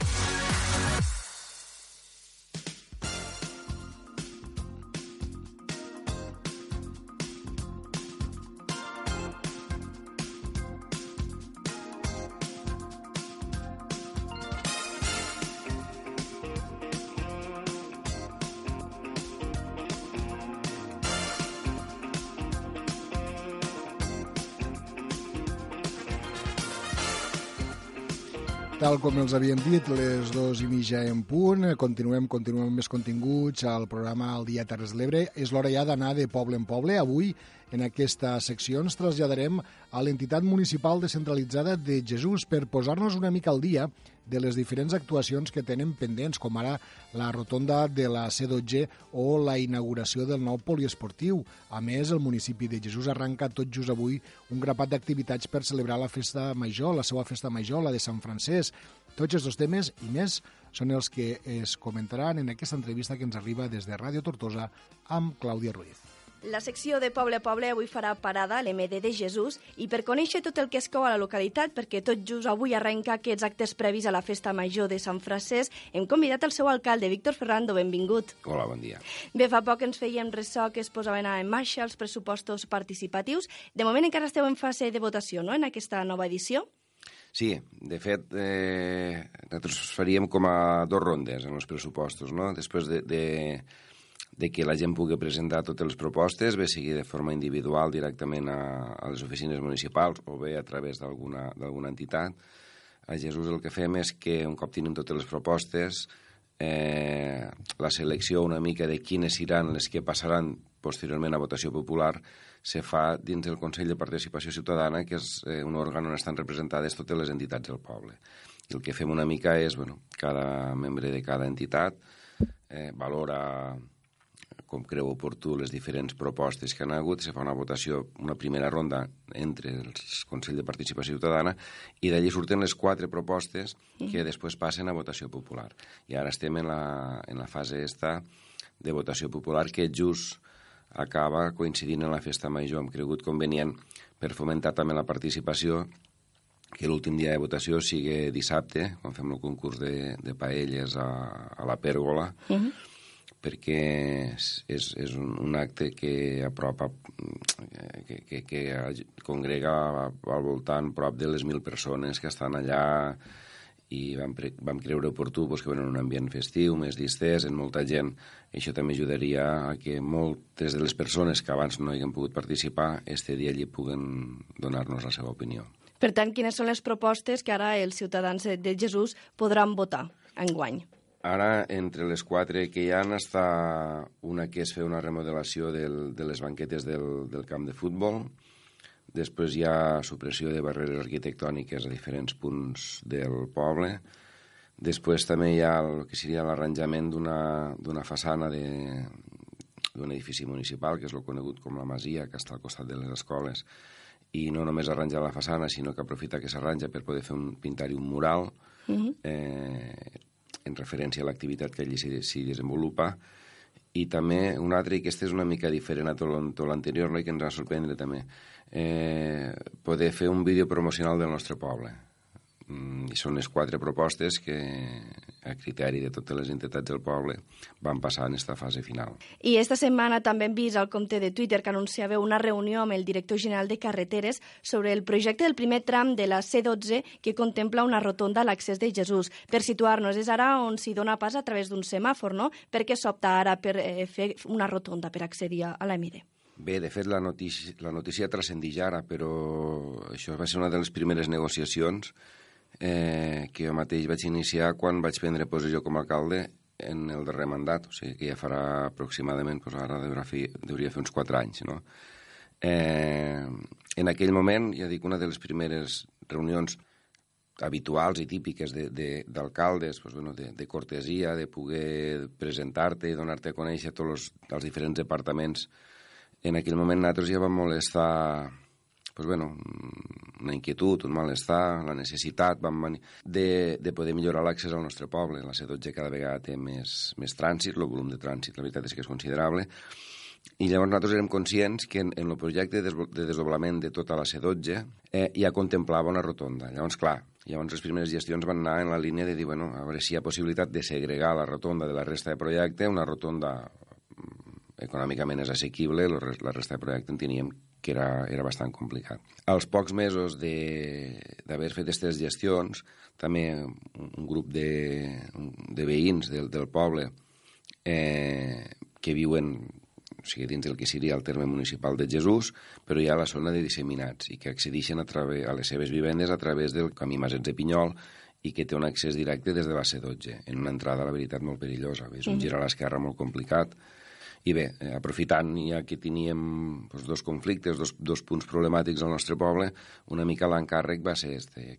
Han passat anys, s'han fet eh, diverses maquetes, diversos projectes, i finalment ara el que vam fer esta, esta setmana va ser que va venir el director general de carreteres a presentar un únic projecte, un únic projecte on eh, s'encabix la rotonda per una part, el vial de servei eh, per a donar accés a tots els veïns del, del Maset de Pinyol, i, I també vam aprofitar per una altra reivindicació que havia, i és que en cas de pluja, normalment no, però sí en alguna ocasió quan han sortit els barrancs que hi ha al, al nostre poble, la zona de baix del poble se veu afectada i pateix les conseqüències. Llavors, eh, vam detectar que en, en l'antic eh, projecte de la C12, fa més de 30 anys, ja hi havia la previsió de poder donar sortida a tota aquesta aigua que s'embassava. Llavors el que s'ha fet és pues, un reforç de, de, de tres coses uh -huh. en un únic projecte, en, en un, crec que un, en molt de treball, molt ben fet, per tal de que sigui un projecte assequible, que sigui econòmicament viable. Per tant, potser podem veure ja les obres en marxa a partir de l'any que ve?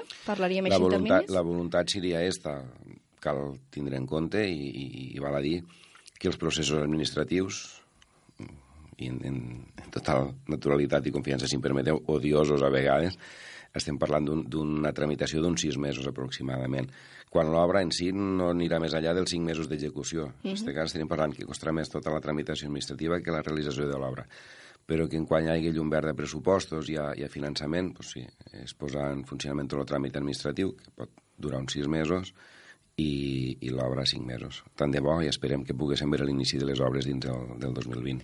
Una altra de les obres importants del municipi ha estat el nou poliesportiu. De fet, ara fa un any eh, de la col·locació de la primera pedra i que es va estrenar als World Sport Games, però ja han finalitzat totes les fases d'esta construcció?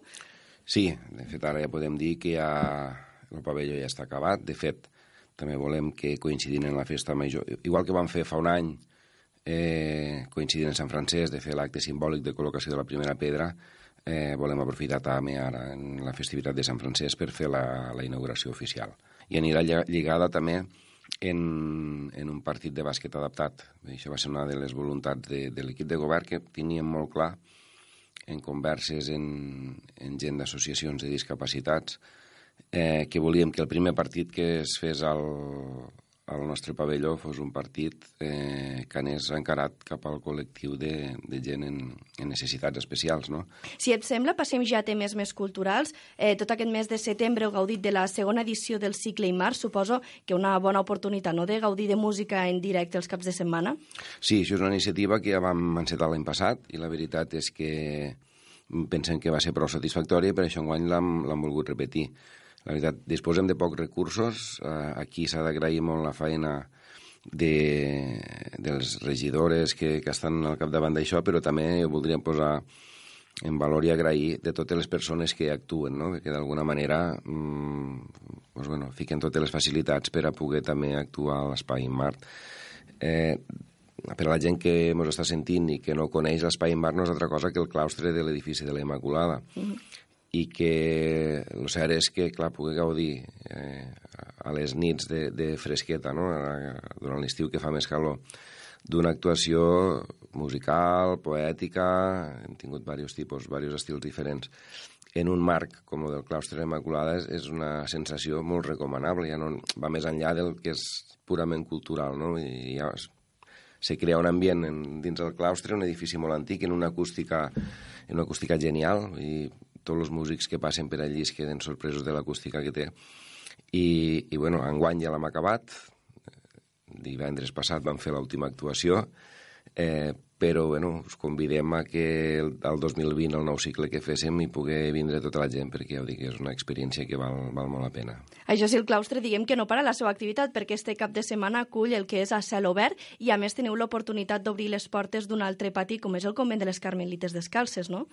Sí, això també és, és la segona vegada que hi participem. L'any passat, parlant amb la gent de, de cel obert, se'ns va oferir la possibilitat de poder fer alguna actuació al nostre, al nostre claustre i vam pensar que també era una bona oportunitat doncs, per visibilitzar no només el claustre, sinó també tot el poble de Jesús.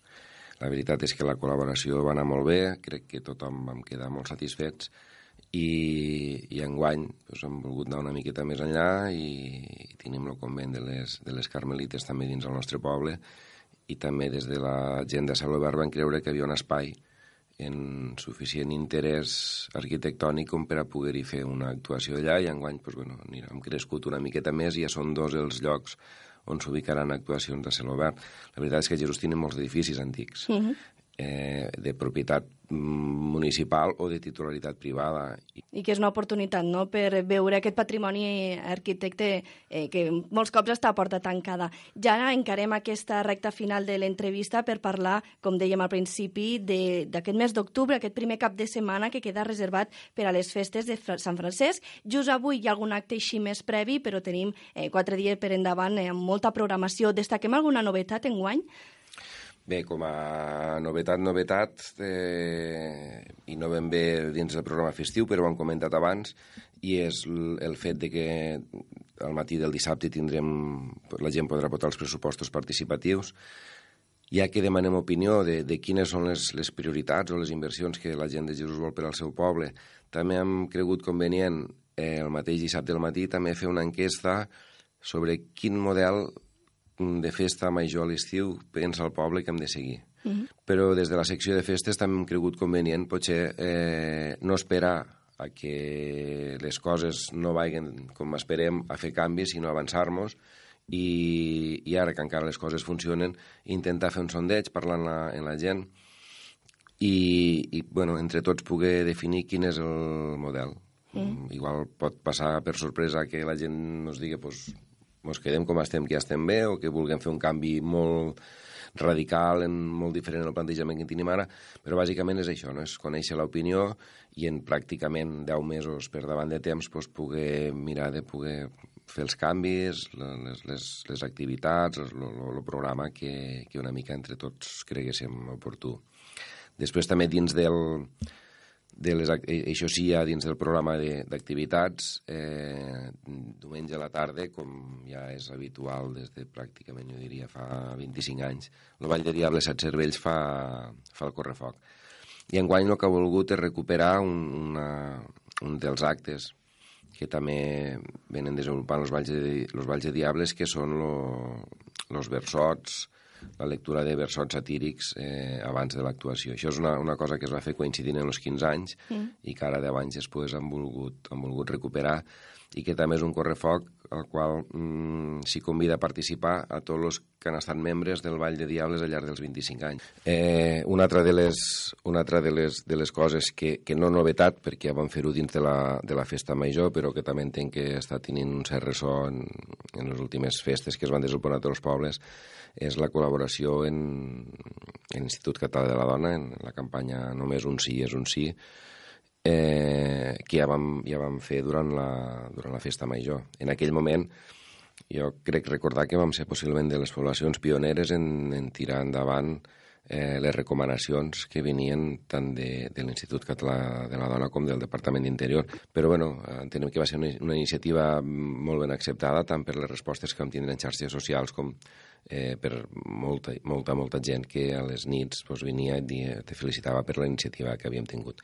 I ara el que fem dins de Sant Francesc pues, és, bueno, és el mateix que vam fer en aquell moment i que de forma pionera i sense tindre tota la informació de primera mà, perquè encara des dels departaments encara no s'havia acabat de desplegar al 100%, ara el que han fet és adaptar allò que ja teníem en les indicacions i recomanacions noves que han anat sortint en, en posterioritat. Molt bé, doncs este cap de setmana no teniu cap excusa per no passar-vos per l'M de Jesús, perquè té un extens programa no només eh, amb aquesta festa major, sinó també amb el cel obert. Així que moltes gràcies, Víctor Ferrando, alcalde de l'M de Jesús, i a gaudir d'estes festes.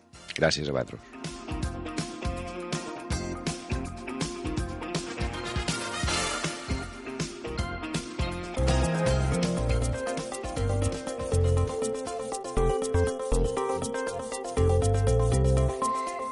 Moltes gràcies per aquesta entrevista, Clàudia. Ara mateix tres quarts en punt de 3 de la tarda. Per tant, és hora ja de continuar amb més eh, seccions, amb l'espai dels nostres col·laboradors. I avui, com és dimecres, eh, tenim aquest espai en què anem d'excursió eh, i per això portem sempre la recomanació, portem el mestratge, la guia del nostre company i amic Joan Moisès, aquí ja saludem. Joan, bona tarda. Bona tarda, Josep, bona tarda. Joan, avui, bueno, fa una mica de mestral, no sé si és massa bona hora, no sé si fa massa bona hora per anar pel món, però, bueno, mm, avui mos vols portar segurament una de les excursions més mm, pesades, podem dir, més dures que es poden fer al Montsià, no? Vols pujar a la Torreta, a, en aquest cas al Pare Pasqual, i després a molt la cima. Pues, bueno, sí, eh, a pujar aquí dalt també eh, l'excursió, com, tal com dius tu, eh, una miqueta així pesadeta seria, per exemple, si pugesses de, de la Ràpita mm. a la Font, ai, Font de Murgà, la Foradada, mm. però en este cas la farem per Ulldecona. Ah, molt bé. Sí que és una miqueta pesadeta, però bueno, eh, el camí és ample i vull dir que puja molta gent per la banda més, més pràctica, perquè la, avui la farem per la banda d'Ulldecona. Per tant, anem cap a, cap a la part posterior del Montsià i em sembla que anirem cap a la Bassa Montsià, no? el camí de la Bassa Montsià. Molt bé, exacte. Ah. Eh, sí, perquè llavors, per exemple, nosaltres si venim del Canà ja sabem que hem d'agafar, però així la gent que tingui el punt de referència sempre la bassa del Montsià, Mm -hmm. direcció eh, camí Mas d'en Comú. Molt bé. Eh, seguim en cotxe, això ho fem en cotxe, seguim un, tra un tramo que és hasta el Quitrenat, deixem el que és l'entrador del Mas de Mulet i seguim per un camí de terra. Llavors ja hi ha un indicador que fica aparcament per pujar de la torreta.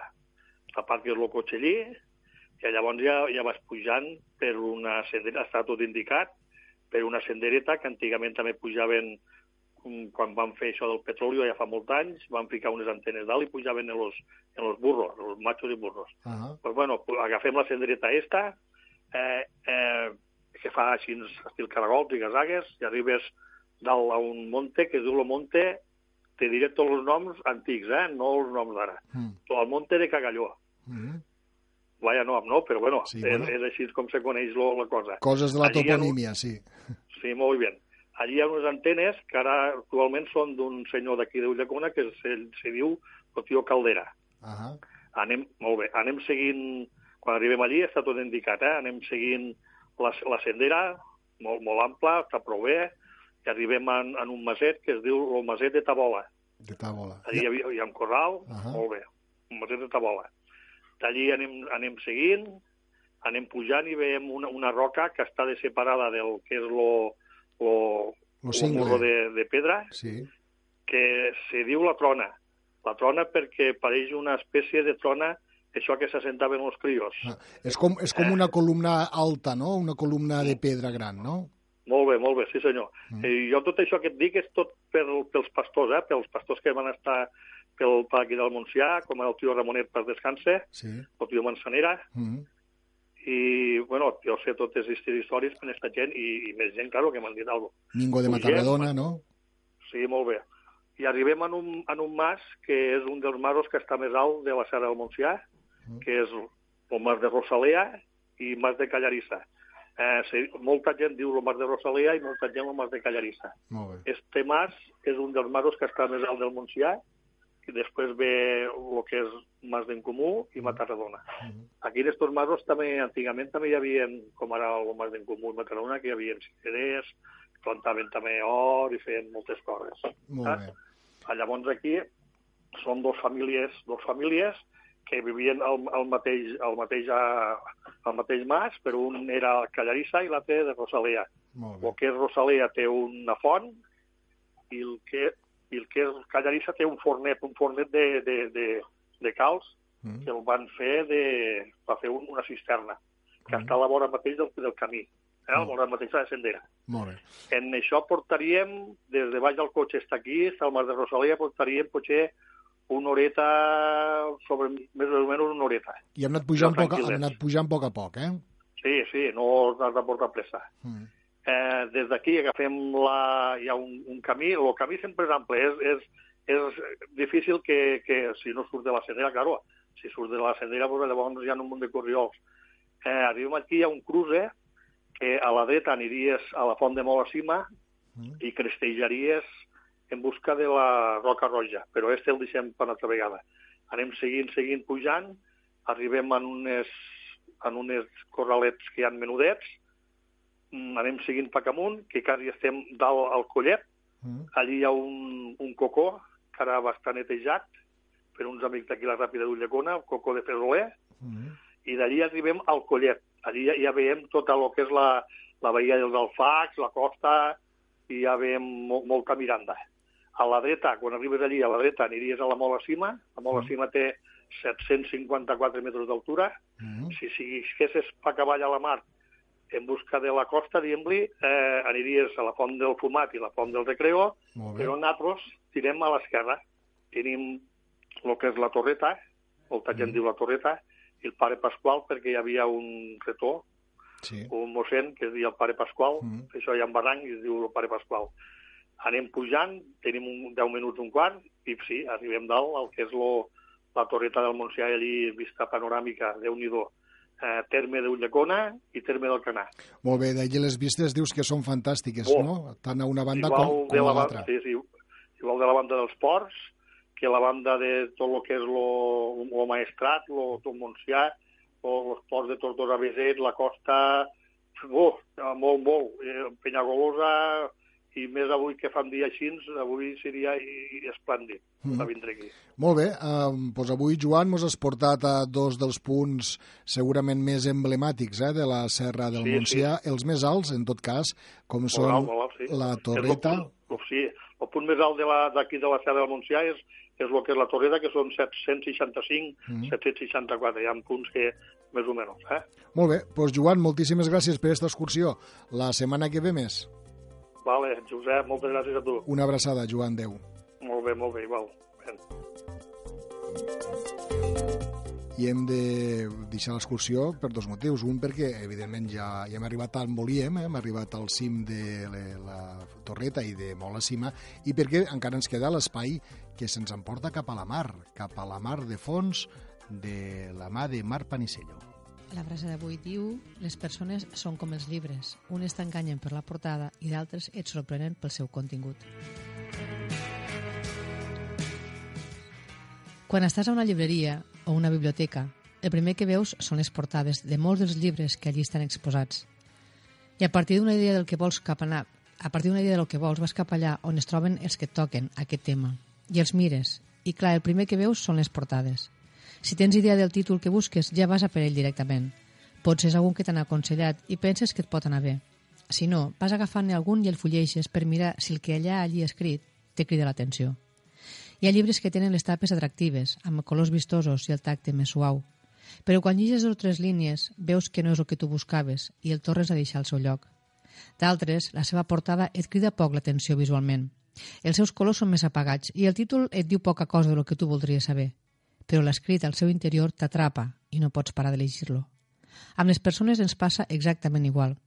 Davant de possibles amistats o relacions, són moltes les vegades que ens deixem portar per la primera impressió. Jo diria que quasi sempre ho fem, i en part és normal, però també és normal que després ens trobéssim amb les sorpreses que ens trobem, tan bones com no tan bones. La dita que diu les aparences enganyen és molt certa. Ens marquem uns barems per escollir amistats, relacions, persones en qui treballar. Ja està bé, perquè tots volem gent afí a nosaltres per compartir la vida. Però també és cert que si donéssim una oportunitat a aquella gent que se'ns creua pel camí i que potser a simple vista són diferents a la nostra manera de ser i de pensar, si donéssim un vot de confiança a persones que la vida ens ofereix, igual tindríem grates sorpreses. Serien com aquells llibres que la seva portada ens deixa indiferents, o potser tot i sempre ser iguals, al, que al fullejar-los no és el mateix, i al fer-ho ens quedem amb les ganes de més, perquè han sabut arribar-nos al cor. I per altra banda, quan ens deixem enlluernar per persones que tenen molta làbia, que ens regalen les orelles en paraules que volem escoltar, aquelles que són com els llibres que la seva portada és vistosa, que invita a tocar i a sentir, però que quan un, fas una estona que llegis aquell llibre, provocador, te que el seu contingut és tan buit i fred com les seves paraules. La vida és una biblioteca plena de llibres per descobrir. No et quedis en una portada. Aprofundits en una lectura i podràs escollir quin és el millor llibre per a compartir la teva vida.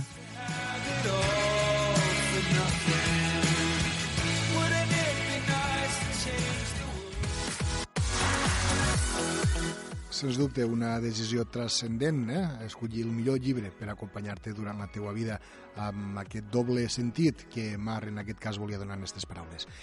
En tot cas, arribem al final de la segona hora. Recorden que ara farem una aturada, després el butlletí horari de la xarxa, dels nostres companys de la xarxa, amb tota l'actualitat del nostre país. I després no s'ho poden perdre, la tertúlia, el debat, el cafè de la tarda, en aquest cas de la mà del company Manel Ramon. Serà a partir, ja ho saben, de les 3 i 5 i fins al punt pràcticament de les 4 de la tarda. Per tant, un servidor s'acomiada de tots vostès fins demà a la una en què tornarem a arrencar, tornarem a obrir la paradeta, tornarem a posar-los al dia a les Terres de l'Ebre.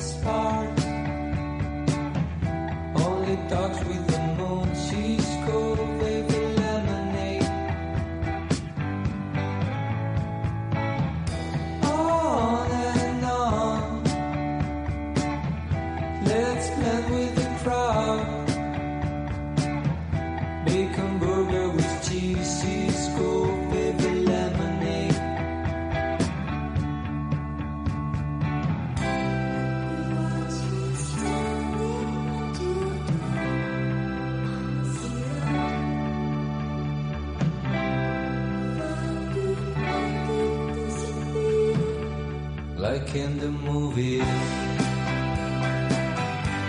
She wake up dreaming. Nothing is hiding. If you can find it. Vols viure una de les aventures més impressionants de la teva vida? Viu l'experiència Tunatur. Gaudeix d'una excursió en catamarà amb sortida del port de l'Ametlla de Mar a la Costa Daurada. Dona de menjar i nada entre els centenars de tonyines roges salvatges. Podràs practicar snorkel i submarinisme i gaudir d'una degustació de la millor tonyina roja al mig del mar. Una experiència didàctica i gastronòmica per gaudir en família. Informació i reserves a tuna-tour.com.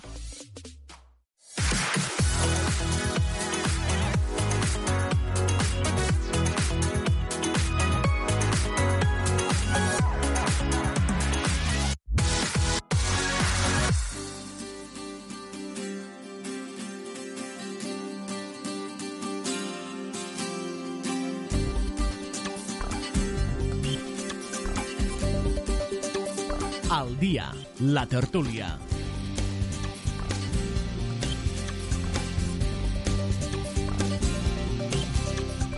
Què tal? Molt bona tarda, benvinguts en aquest eh, cafè, en aquest cafè que fem eh, cada tarda aquí a la sintonia de les emissores municipals de Ràdio Tortosa, Amposta Ràdio, Ràdio Delta, també la Cala Ràdio, la Mella de Mar, la Plana Ràdio Santa Bàrbara i Ràdio Joventut de Mas d'Enverge. I comencem aquest temps d'actualitat en aquest programa que se'n diu L'Ebre al dia i aquesta estoneta és una hora de tertúlia, una hora de debat, una hora doncs, eh, d'intercanviar parers sobre temes d'actualitat, que se'n diu així.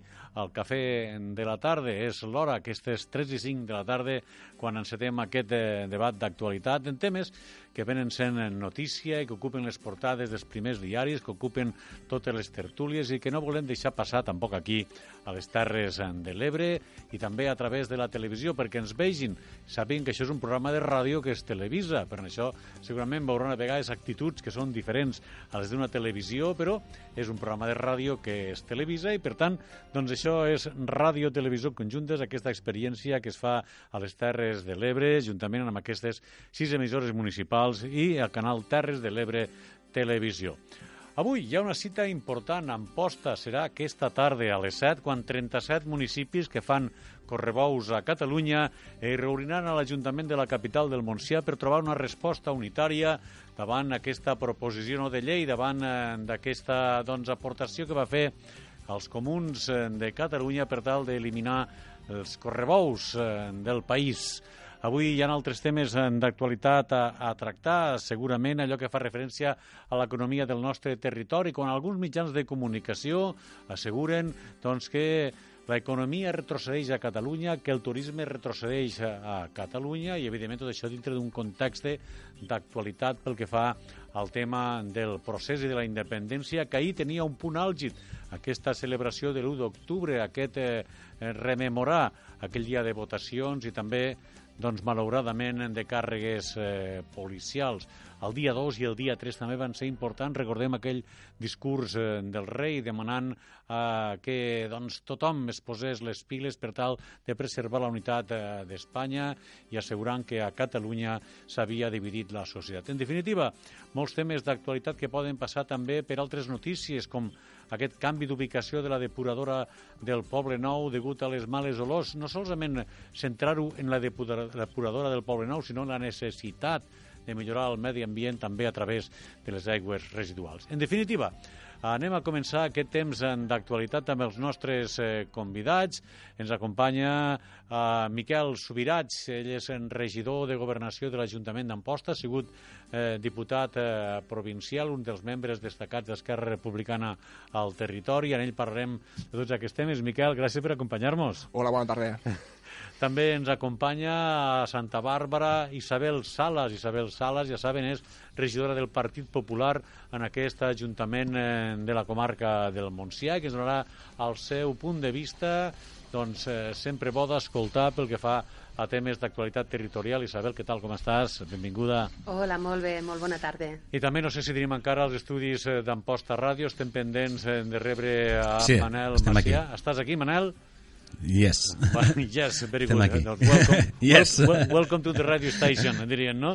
Eh, gràcies per acompanyar-nos també. Manel Macià és el portaveu de Junts eh, per Catalunya a l'Ajuntament de la capital del Montsià, Junts eh, per Amposta.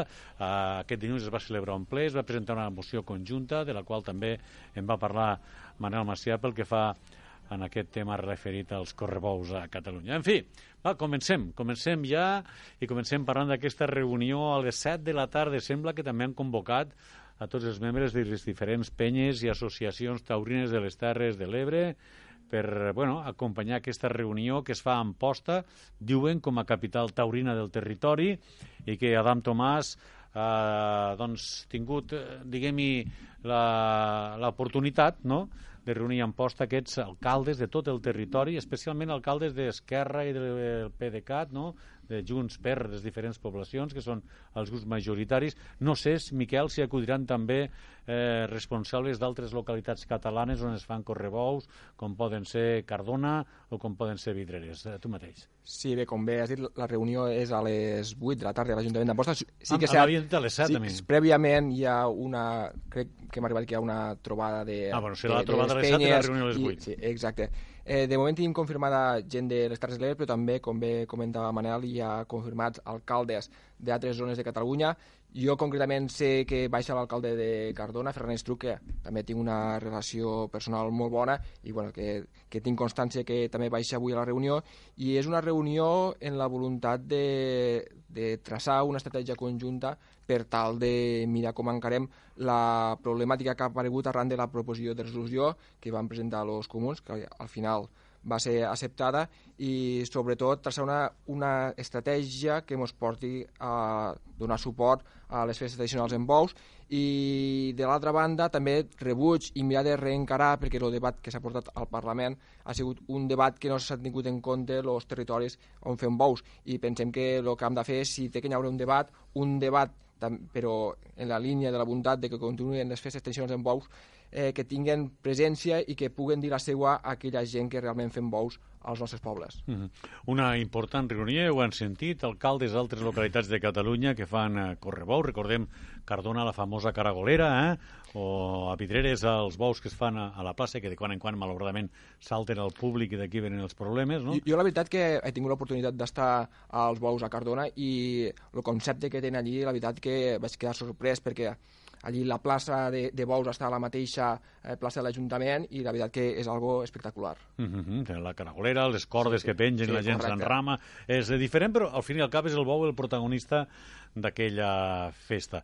Isabel Salas, com veus aquesta possibilitat eh, de, eh, bueno, de que aquesta reunió tragui algo en positiu en partits com Esquerra Republicana i Junts per Catalunya, que són qui dominen, qui dominen ara per ara el panorama, el panorama polític a les Terres de l'Ebre? A veure, jo el dilluns vaig anar al ple d'Amposta, ho vaig veure personalment, i, i bueno, a mi m'encanta no? que, que, que la unió de les Terres de l'Ebre a favor dels bous, sempre hi ha algú que estarà en contra, però en general la gran majoria de les persones estan a favor, però jo d'aquell ple quan vaig sortir, vaig sortir preocupada, pitjor de lo que estava abans. Jo defenso i defensaré sempre els bous, és més, jo si el meu partit en bloc no hagués votat sí als bous, eh, me replantearia el dimitir del meu partit. Imagineu-vos si és per a mi important aquest tema. Eh, jo he fet, bueno, tinc una feina feta, que crec que és important, i aquesta feina és que tots els diputats, aunque siguessin pocs, però els de Barcelona, han votat sí als bous. Eh, és, està molt bé que aquí a les Terres de l'Ebre eh, fer una reunió en els 37 municipis, eh, fer una manifestació, una concentració, les penyes, tot això està molt bé. Però en això no guanyem, que als municipis es pugui continuar fent bous. Per què? Perquè la decisió final se prendrà al Parlament de Catalunya. I és per este motiu que jo vull demanar un favor.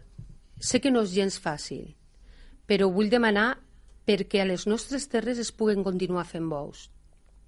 I és que aprofitar els diputats que tenim a les Terres de l'Ebre o aquells que estan a favor dels bous i que convencin els seus companys de partit que estan en contra i que ja van votar en contra i que si no se treballa en ells tornaran a votar en contra, que són majoria avui al Parlament de Catalunya els diputats que estan en contra, que estos diputats d'Esquerra Republicana, de Junts per Sí, socialistes, que treballen en els seus diputats per a, per a mm, fer-los veure que realment aquí no maltractem, no maltractem l'animal, que és festa, que és economia, que, que són moltes més coses i, i a veure si es poden fer entendre i així puguen vindre. Tenen una gran oportunitat. Del dia 11 i el dia 12 a Uldecona fent bous, en un cartell molt majo. Si no saben el que són els bous, que agafen els diputats que no ho saben o que defensen per comentaris i que vinguen i ho puguen viure al mateix territori. Efectivament, no, no. Veuran com no maltractem els animals. Mm -hmm. Bé, això s'ha dit per activa i per passiva, és a dir, aquesta manca de, pegada, de pedagogia que possiblement els taurins eh, eh, han eh, tingut a l'hora de reivindicar aquesta festa. És evident que a vegades eh, aquest rebuig a la festa dels correbous són percepcions més aviat anímiques, eh, que tècniques, ho hem dit també en diferents ocasions, i això doncs s'haurà de portar una comissió tècnica que em sembla molt bé que es faci, que ho ha proposat Esquerra Republicana, per tal de que siguin els tècnics, no els polítics, el que decideixin si una festa tan arrelada al territori, en detractors i gent a favor, s'ha de deixar de fer o no. Manel Macià. Sí, bueno, jo comentar que la feina que s'ha fet al Parlament que ha sigut insuficient, però jo crec que bona, perquè es, va, es van aconseguir que hi ha gent d'altres territoris i fins i tot eh, potser gent amb, amb la defensa de, de, dels drets dels animals eh, votessin o s'abstinguessin, votessin a favor o en contra o s'abstinguessin. Eh, bueno, la feina dels diputats està fet, se n'ha de fer més, sí, eh, segur, però eh, s'ha d'entendre que això eh, va, ser, va ser una cosa posada pels comuns dins d'un debat eh, de, de política nacional. Jo crec que no tenia cap sentit que, que aquesta proposta de, de resolució estigués dins, eh, posada dins de un ple de política nacional, perquè jo crec que no, no hi ha un debat nacional eh, sobre els correbous, eh, sinó que ha sorgit arrel de vidreres, com bé es comentava, i alguna imatge d'amposta, i, i, i, bueno, i se n'ha fet jo crec un gramassa i es va posar eh, en calçador dins d'un debat eh, nacional que no tenia cap sentit eh, jo crec recordar que també s'ha abstingut no, ciutadans i, so, i socialistes uh -huh. I, i ha, eh, vull dir que no sé jo si algú va aprofitar per a, per a, per a venjar-se eh, per tot el que pas, està passant a la política espanyola. Jo crec que sí, uh -huh. en algun dels casos. Eh, però eh, però jo, la lectura que faig és aquesta, eh? més, -huh. més de eh, bloquejar uh, el Parlament d'aquesta manera. Eh, uh -huh. De totes maneres... Però bueno, jo crec que s'ha de, fer, de fer molta pedagogia. Jo quan he estat fora i eh, n'he fet molta, eh, la gent, és que no ho coneixo però he vist imatges, bueno sí, però vine a conèixer-ho i mira la festa que se'n fa mm, mira, mira que és tota una tradició que això fa molts d'anys que està eh, que els nostres pares abans de la cega se dedicaven a jugar amb els bous sí, passava això, no passa res saps? Uh -huh. I, i això ha continuat i, i s'ha fet una tradició molt bé, eh, sense dubte, doncs aquests són els posicionaments, però afortunadament tenim audiència que quan te veu te diu, escolta, per què no preguntes allò? Escolta, per què no comentes allò? Eh? Eh, de totes maneres, eh, si algú vol dir alguna cosa, si algú vol enviar WhatsApp, doncs eh, hi haurà, suposo, en un futur alguna possibilitat de que es faci. Però sí que et troben pel carrer i te ho pregunten i m'han dit, pregunta'ls-ho als comitès que tingués. No hi ha cap problema més important a Catalunya que el tema dels bous? Jo penso, òbviament... Que jo, ha... jo et faig aquesta pregunta perquè sí. és com me l'han fet a mi, eh? és a dir, no, estan parlant dels bous. Mm, és este el problema més gran que té Catalunya com per posar una moció al Parlament per part eh, dels comuns? bueno, jo penso que de coses més importants n'hi ha i, i moltíssimes. Ara bé, també va ser i no, i no ho defensaré, eh, però és una cosa més que van posar allà al Parlament i sí que és cert que té molta repercussió perquè a nosaltres ens afecta com a territori però bé, jo penso que realment hi ha coses més importants, però també entenc que els comuns, pues, bueno, des de la seva ignorància, suposo, van voler tirar endavant esta... Aquest suposo que també... Esta, me, curo en salut. Sí, sí, eh, sí. esta proposta de resolució la van, poder, la van voler tirar endavant i aquí al final, més enllà de, dels comuns, la feina l'han de fer la resta de partits, perquè sí que és cert que és una, una proposició que van entrar els comuns, però la resta de partits vam tindre gent que es, o es van abstenir o van votar a favor de la proposició. Mhm. Per tant, ara els partits el que han de fer eh, marcar una estratègia, tirar-ho endavant i, i sobretot liderar-ho des del territori i d'aquells municipis que fem bous. Recordo la- l'excel·lent feina que va fer Marta Cid per al desenvolupament de la llei 34-2010 on va ser capaç de, de, de que tots els partits acabessin, una gran part important dels partits acabessin votant a favor d'esta llei que eh, va acabar desenvolupant-se també en un reglament i que ara ens estan permetent bé, fer uns bous de qualitat i en seguretat. Molt bé. Eh, continuo fent la mateixa pregunta que em va fer el televident radioient sobre aquest tema. Isabel, Sí, ha, ja, per supost, n'hi ha moltíssims problemes, no? però cada, cada grup eh, parlamentari pues, decidís què és el que es té que parlar i debatre al. Parlament i, i, i, i els comuns pues, és el que han fet. No? Eh, N'hi ha moltíssims que podríem dedicar més temps a parlar d'ells, però, però bueno, ara toca, toca els bous. Jo, jo insistixo en una cosa i ho trobo perfecte, ho aplaudi, aplaudixo. Jo estaré eh, a- allí on pugui per defensar els bous com la majoria, la majoria, no tots, de polítics de les Terres de l'Ebre. Eh, però em preocupa una cosa. Eh, per exemple, vaig llegir fa, no sé si va ser la setmana passada, que les joventuts d'Esquerra Republicana a les Terres de l'Ebre no estaven a favor dels bous, per exemple. Eh, I al fin i al cap, tot el que poguéssim fer, tot el que poguéssim parlar, els tècnics que vinguen sí que faran el seu informe, però la decisió sempre serà política. Es debatrà, es votarà al Parlament de Catalunya. vols dir que s'està jugant No- una doble vessant? Mm, jo crec que no, que realment els d'aquí ho defensen, però és que no és suficient, és el que he dit abans. Tenen que fer la seva feina per als seus companys, perquè és que si no, això no ho tenim guanyat. O sigui, jo demano, i demano en el cor a la mà, perquè els bous és un tema de sentiment. Eh, jo el porto dins. De, de petita anàvem, meus pares ja me portaven a la plaça i possiblement per això és- el berenar, és el parlar amb la gent, és, és tota la festa que es munta, és el tema econòmic, és tot el que es munta en si, que no és dir eh, el bou surt a la plaça i, i res més, no? Però és que estem parlant de si a Ulldecona, que és el meu municipi, a les Terres de l'Ebre, l'any que ve podrem fer bous o l'altre, que se mos puguen treure com les corrides de bous. Estem parlant d'això. És bo, i ho torno a dir, la unió de tots, però mm, intentem que els partits polítics de les Terres de l'Ebre, que els seus companys no estan a favor, com és Junts per Si, Esquerra Republicana i Socialistes, eh, que facin la seva feina en els seus companys. Jo me vaig quedar preocupada el dilluns quan vaig anar al ple perquè inclús una regidora socialista va votar en contra de la No. moció a favor dels bous. Està en el seu dret. Està en el seu, en el seu Per dret, supost, per, sí, sí, sí, sí, no, i cada un pot defensar el que cregue, per supost, però si, si los d'aquí no som ca- capaços de convèncer els mateixos d'aquí que ho viuen i que segur que té gent del, al seu voltant que estan a favor, és molt més difícil convèncer els de fora. Mhm. Ho dic per això, perquè és una feina que com a formiguetes tindran que començar a fer i jo els demano, de veritat, que ho intenten. Manel, per acabar amb el tema, va. Jo eh, he vist que el, que el Miquel eh, només comentava no, no, no crec que malaura, eh, de manera intencionada només a la Marta Cid però eh, el Josep Rull també va defensar és un declarat animalista i va votar a favor del manteniment dels correbous Per què tinc la sensació, Manel, per què tinc la sensació de quan se parlen de temes No. entreu sempre en batalles polítiques i, i, i, i, i jo més?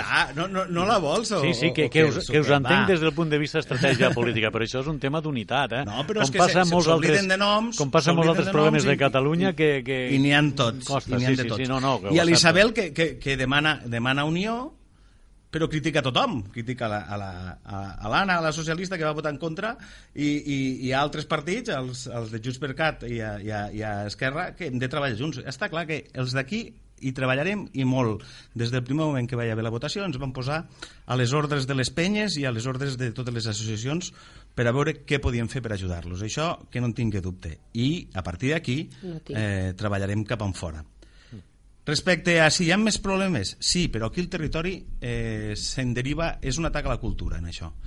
I, I moltes vegades se fa un debat animalista, però no se fa un debat cultural. Els bous estan protegits per patrimoni de la Generalitat. El patrimoni material, no- material sí. per- per- patrimoni immaterial de la Generalitat. I això s'ha fet doncs, perquè s'ha vist que s'han complit tots els requisits per a, per a protegir-ho i ara es volen carregar una cosa tan arrelada al nostre territori com aquesta. I jo no estic, jo no, no, clar, no puc estar d'acord sobretot en este, en este tema. Estan tocant els valors de la gent de l'Ebre i jo crec que no es poden tocar els valors així. Respecte a Eh, si en tenim molts de problemes a, a Catalunya, sí, en tenim, en tenim molts, en cultura, amb el procés, amb economia, amb els serveis socials, Sanitat, eh, eh? amb, aquesta, amb sanitat, amb aquesta, amb, aquesta, amb aquesta nova llei que vol entrar a, al, al Parlament, que és la llei Aragonès, i que em preocupa molt i que eh, en els pròxims mesos se'n sentirà parlar. Molt bé, doncs aquesta és l'aportació. Us faré una... Sí, sí, dis-me, Isabel. Sí, no, que Manel ha comentat que no tingui dubtes. Jo no, jo no tinc dubtes de que aquí els polítics defensem el mateix en este cas. Pues estàs criticant a Però- tots, quasi. Pe- No, però, però el que vull, més que criticar, és que vull que facin la feina dels diputats, els seus companys, que no estan a favor, És com a que ja mínim que fet. sàpiguen què és la festa. Perquè si no, el resultat és el, el, el que va sortir l'altre dia. Ja, però és que el que passa és que amb un debat així, perquè eh, no se sabia si se la posaven o no la posaven, aquesta resolució, després la van posar, després no es va voler negociar. Mhm. Se- Es va fer en dos dies, això. Molt bé, escoltem una Ja, ja cosa. La pedagogia es fa en més. Sí, escoltem una cosa. Queden eh, tres minutets per a fer una petita pausa. Jo abans, eh, dos minutets, em diuen des del control, abans que molt ràpid voldria fer-vos aquesta pregunta. Creu que pot sortir una resposta unitària de la reunió d'aquesta tarda? Fem una mica de futurologia? I- Sí. Jo estic plenament convençut que de la, de la reunió d'avui sortirà una posició conjunta, una estratègia conjunta que ens ha de permetre avançar cap a la protecció de les festes tradicionals en bous. Mhm. Isabel. Sí, també estic convençuda. Per què? Perquè són els municipis que realment defensem, eh, són els polítics que, dels municipis que defensen eh, i volen que es continuen fent bous. Això estic convençuda que el resultat serà positiu.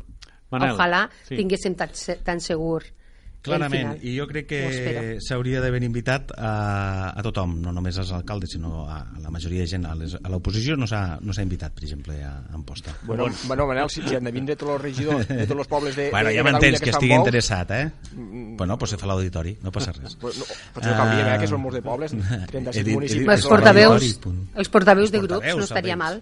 Clar que sí. Acaba, Manel, acaba.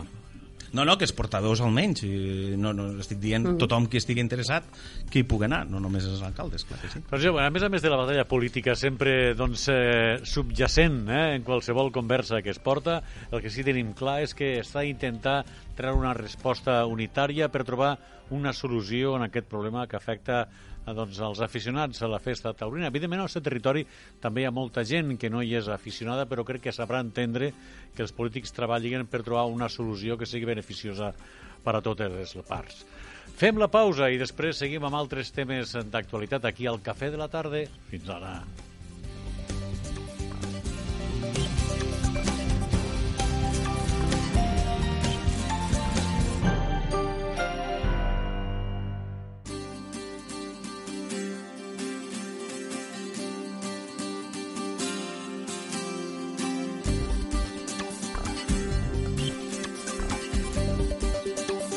Al dia, la tertúlia.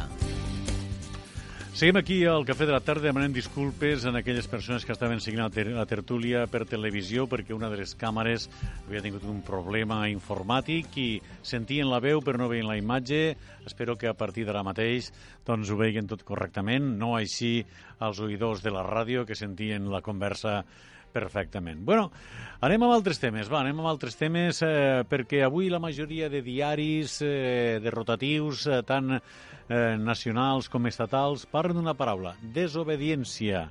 des de la Generalitat, Quim Torra, les associacions independentistes, ACN i també, perdó, eh, la ANC i també Òmnium Cultural criden a la desobediència de cara a aquesta sentència sobre el procés que sembla que tindrà els seus resultats a partir del dia 11. Eh? Està previst que després del Pilar possiblement es puguen saber aquestes sentències. Eh, Miquel, te ho pregunto tu, què és desobediència? Bé, desobediència en los... Sí, ja sabem, és no creure, però això com se fa efectiu? Bueno, eh, al final segurament arribarà un moment, no, no la frase que diu, hi haurà un moment que no podrem res i podrem en tot, doncs penso que aquí... No, però, és que, eh, deixem-nos de frases Sí. grans i anem a tocar peus a terra. De- Què és desobediència? Desobediència jo l'entenc en el sentit de plantar-se i ja no fer més cas a l'estat espanyol i tirar pel dret. I jo penso que aquesta desobediència ja s'hagués tingut que fer l'1 d'octubre, que se va obrir una finestra d'oportunitat en els resultats de l'1 d'octubre, la violència que va exercir l'Estat a l'1 d'octubre, i allí estava en una posició de força per tal de poder desobeir, per diverses qüestions. La cosa a l'1 d'octubre se va aturar i hem continuat com està ara. Segurament, en el resultat de les sentències, és possible que se mos obre una altra finestra d'oportunitat per poder plantejar una acció contundent de cara a l'Estat. Creus que la societat catalana està preparada, la societat en conjunt, eh, està preparada per eh, la desobediència i assumir les conseqüències que això pot comportar? Jo penso que està preparada i l'1 d'octubre ho va demostrar i sempre que l'ha necessitat ho han demostrat. Jo penso que la societat catalana el que potser ha estat és desenganyada, però preparada ho està. Mm -hmm. Isabel? Desobediència. Sí, no, jo Acte de preguntava ris- què vol dir Sí, sí. desobediència, no, què vol dir, dic, semànticament ja tothom ho sabem, no? Però com es Sí, no, però porta per a a cap mi- aquesta desobediència? per a mi és un acte de responsabilitat, perquè diuen de que no volen violència, que sobretot els independentistes pues, que volen aconseguir abones i tal, i no saben, no, bueno, jo crec que sí, però ho volen vendre així, que, que, bueno, que n'hi ha molts independentistes, com, com no independentistes, no? Són persones que són més radicals uns que altres, i que un que és radical, si damunt li fica el metgero al costat, doncs s'encén. I llavors fa el que no tindrien que fer i després diuen que és que no, que ells no tenen res que veure. Eh, S'hauria d'anar molt més en compte. Jo crec que és un acte d'irresponsabilitat eh, estos polítics que estan dient eh, i estan cridant a la desobediència. Sí que és cert que possiblement no els gustarà, o sí, no ho sé, eh, el resultat de, del judici de tots els que estan a la presó. Es presumeix alguns ha- quin pot ser, altres no, però no ho sabem encara quin serà. Sí, sí, no, ni ho sabem ni, ni quina serà el, el resultat final, no? Però el fet de cridar allà eh, jo crec que no és el camí per aconseguir coses. Jo sempre he defensat que a Catalunya eh, lo que el camí era intentar negociar i, i aconseguir tindre més coses per a tots els ciutadans de Catalunya. A part, se'ls oblida una cosa molt important. No són la majoria dels catalans. A tota Catalunya, el, més del 50% de, dels catalans que vivim aquí no volen la independència. A llavors, eh, no mos podem ficar tots a la mateixa olla. Volem viure tranquils. Jo mm, no he tingut cap problema perquè treballo a casa, però si tallen carreteres, quanta gent té que anar a la feina i arriba tard, que millor inclús és independent i, i no és tan radical i no vol, no vol actuar, per exemple, o no vol fer segons quines coses. Eh, jo crec, i ho torno a dir, que és un acte d'irresponsabilitat i que el camí no és este. Perdó. Perquè si el camí, si el camí eh, continuen anant per ahí, pues al final mm, l'Estat tindrà que actuar i llavors se queixaran que l'Estat actua, però és que aquí seria exactament igual. Traiem, traiem Eh, titulars, traiem titulars. Miquel diu la població està preparada per la desobediència, tot i que està un tant desenganyada. Isabel diu que la, la desobediència és un acte d'irresponsabilitat. I de Manel Macià, quin titular el traiem? Eh, De Manel Macià, es- n'estic fent un munt, estava escrivint notes, però primer comentar-li, Isabel, que, mira, estaves dient que no, eh, no som el 50%. Eh, no mos hem pogut comptar d'una manera eh, legal, eh, fem un referèndum vinculant i legal i ens podrem comptar i, i jo estic encantat de que el resultat sigui el que sigui però i tothom l'assumisca Les votacions del desembre no, no Jo- serveixen. la desobediència, desobediència per a mi seria votar Ara parlo. Sí. No, seria no, votar. deixa, deixa acabar Manel. No, te deixo que acabe. Sí, no, que te deixo que Per a acabe. mi la desobediència seria votar. Eh, Per a mi la desobediència és treure eh, sortir d'aquest estat franquista. La desobediència per a mi és eh, sortir també d'esta transició fallida, d'aquest rei i d'aquest a por ellos, eh, del seu a por ellos, o d'esta justícia espanyola que, que ara empresona a set persones més eh, quasi fabricant proves. I com, O- i com se surt? Com se surt d'aquí? Home, se surt pues, plantant-se, eh, estan sortint iniciatives com la del Tsunami Democràtic, que no se n'està fent molt de soroll, però sembla, sembla que és el poble que al final salvarà el poble. Molt bé. Isabel, volies dir alguna cosa, no? Sí, referent al referèndum. Eh, jo sempre ho he dit. Eh, per exemple, eh, Ulldecona, fico el meu municipi. Podem prendre, fer un referèndum, aunque surt digui que sí, i prendre una decisió que vagi en contra de les lleis de Catalunya? No. Per No tant, a nivell... A veure, eh, per exemple, un municipi de Catalunya que estigui en contra d'una llei que estigui en contra del Parlament de Catalunya i els ciutadans votiguen i voten que sí, aunque les lleis del Parlament de Catalunya estiguen en contra. És exactament el mateix que està passant a nivell de l'Estat. Votem, jo sempre he dit, per què no? Però vo- votem a tots els que ens afecta i són tots els espanyols. Jo sé que tots els independentistes estan en contra d'això. I a part, encuestes, eh, quan vau anar a votar, mm, és que tots diuen que única 50% no arribeu. és- I a mi no me és- val, i a és- mi no és me val eh? que un 51% dels catalans diguen sí a algo quan inclús les, les coses importants al Parlament de Catalunya es necessita un 75% dels vots. Per lo tant, mm, jo crec que s'hauria de ser que es- responsable que i es marque- buscar altres vies. Que es marque una xifra mínima de participació, que es marque una xifra mínima de, de 6 I votem tots i ja els està. I, i, no, perquè amb el Brexit eh, només ha votat eh, Anglaterra i amb el d'Escòcia només van votar Escòcia. És Molt bé, que m'està dient senzill. Miquel que esteu traient tots els arguments. Vinga. Eh, Manel, avui, esta tarda coincidim en tot, este matí tenim una tertúlia i no coincidim Este en matí res. fent una tertúlia de ràdio no coincidien en res i ara Sí. coincideixen en tot. Que, com, Veus? quines No- coses, no com estem- canvia, eh? No, no, no estem tan lluny. Jo, en la línia del que dia Manel, no mos han contat perquè el dia que volien que mos contessin eh, Espanya Mos van pegar. mos va pegar. I també el que comentava Manel, jo penso que, que no és tan difícil. Escòcia ho va fer en el Regne Unit i Espanya, si no ho deixa fer, és també per l'estat semidictatorial que encara estem vivint. I això que se vol dir de que o hauríem de votar tots? Jo penso que si Espanya vol sortir de la Unió Europea, qui hauria de votar-ho són els espanyols. Penso que no, Itàlia no tindria res que dir si Espanya vol sortir de la Unió Europea.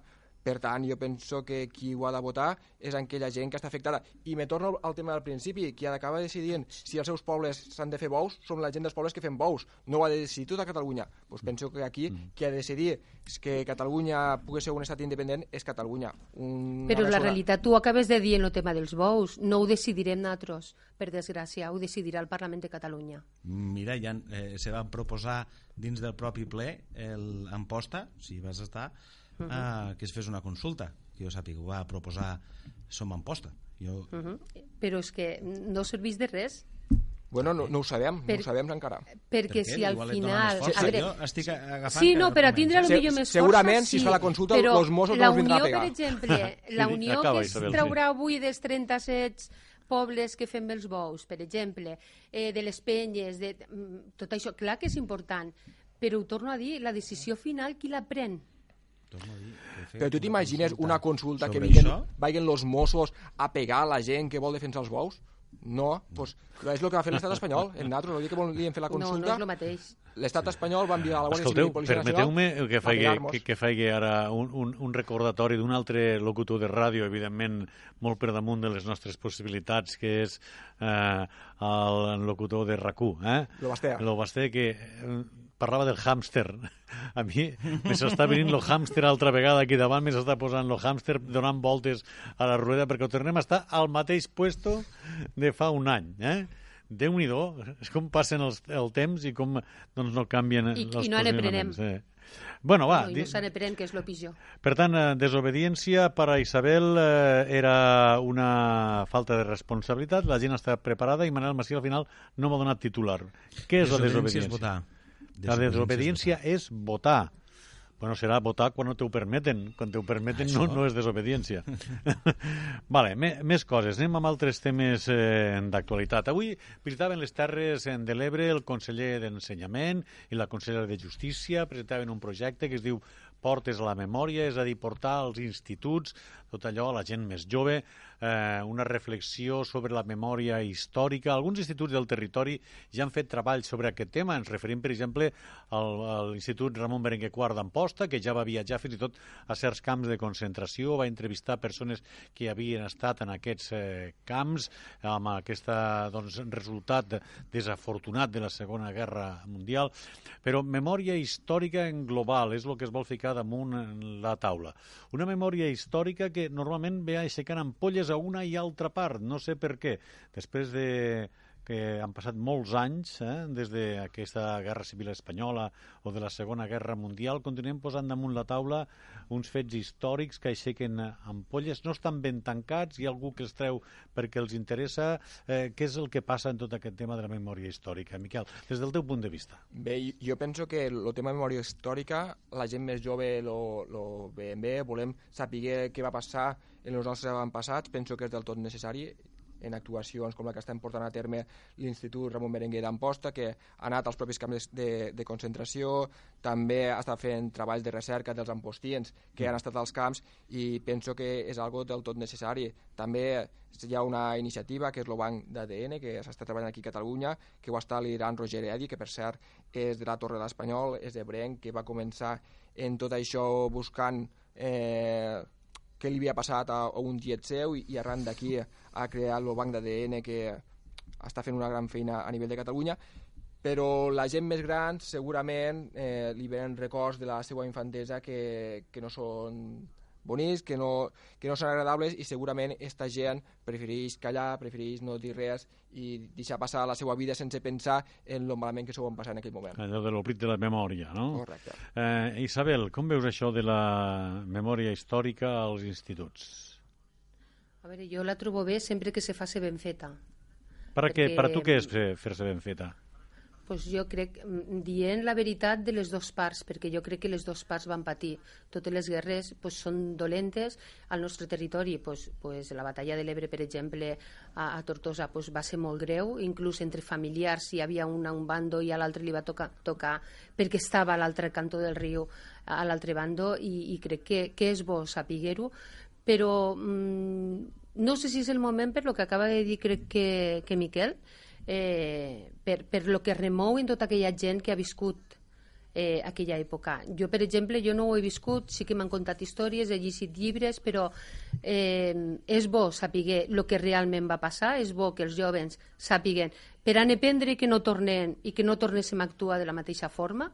Jo en la meva vida sempre dic eh, lo d'aprendre és molt important eh, i crec que és bo sempre que es faci en responsabilitat i ben feta. Molt bé, Manel. Bueno, pues mira, la memòria històrica està clar que és una vergonya que, que tinguem 140 140.000, la xifra no és exacta, però jo diria que són 140.000 persones que estan enterrades i que no sabem qui Estem- són. Estem parlant de seus- 87 anys, eh, de, de la guerra, pràcticament, Sí, del però que 36. són- Sí, sí, però hi ha 140.000 persones que estan en cunetes. Sí, sí, sí, no, no, I estic que estan parlant... enterrades. Vull dir que, que fa... Aviat, aviat farà un segle, no?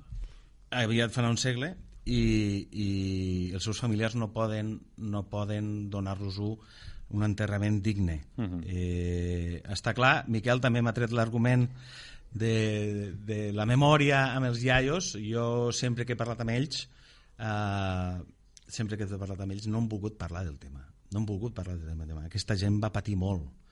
Va patir molt pels dos bandos, eh? perquè quan Ah, entraven sí, uns... Sí, sí, sí, és el que dia Isabel. eh, arrasaven, i deixa'm quan ficar- entraven... Sí, sí, deixa'm ficar aquest argument damunt la taula, Manel, perdona que, que et talli. De vegades es tracta este tema des de la visió dels polítics de torn, eh? sense tenir en compte quina és la visió realment de les famílies i de les persones que van viure Mm. aquells esdeveniments, perquè moltes vegades vam parlar a certs polítics que possiblement ni han tingut familiars ni ells eh, ho coneixen, però qui realment ho pateix són aquelles persones que tenen familiars i que, o que encara possiblement estan vius i que van passar aquells moments terribles eh, mm. de la guerra. Es té prou en compte això, de vegades? Jo crec que no. I... De fer una utilització però política d'un fet tan dolorós com és passar una guerra, dolorós. una guerra civil i perdre eh, familiars, fills, dones, eh, mm -hmm. esposos... Eh... O, o jo que sé, els meus, els meus avis un va, va haver d'apuntar-se a la república perquè no el pelessin i l'altre es va tindre que amagar. Bueno, jo puc parlar dir... d'un cas personal com són els meus avis que un no volien matar una part i l'altre volia matar l'altre. Sí, sí que... però això ho dic. Llavors és que, així, això. Sí, sí. Estem així. I, i, i i això que no, no, no, volíem parlar, no volíem parlar del tema perquè, perquè remou mm. i, i han patit molt o ara uns documents que vaig rebre doncs com ni tornaven el cotxe que li havia, li havia pres la CNT al meu avi no? Sí, sí, sí. I, i, i deia, és que era, és bona persona, és un bon, un bon empostí, no sé, saps? Però estava a la part eh, no equivocada, diguem-hi, no? són, són, són, són per coses uns que... o per als altres, clar. Un, per a uns o per als altres, perquè les arrebassades a la població civil crec que van ser per les dues bandes. Clar. Eh, uns eren demòcrates, ho tinc claríssim, i venien de la república i d'això. Però les arrabassades a la població civil van ser en, en, en els dos casos. I, I ja està clar que la memòria històrica l'has d'estudiar perquè si vols saber on vas, has de saber d'on vens. Molt bé, Isabel. Sí, bueno, és el que he dit an anteriorment. Jo crec que sí, sí se fa ben feta. Que mou ferides, sí. Eh, possiblement, no sé si el moment seria ara, però, però crec que és bo saber què és el que va passar realment per totes les parts. Miquel, per a tancar el tema? Bé, jo penso que sí que és tot necessari que es faci i és el moment i segurament si haguéssim començat abans haguéssim pogut recuperar també més proves del que havia passat, per tant no podem perdre més temps i tot allò que poguéssim avançar en memòria històrica, saber què van passar fa uns anys a, al nostre territori penso que és del tot necessari.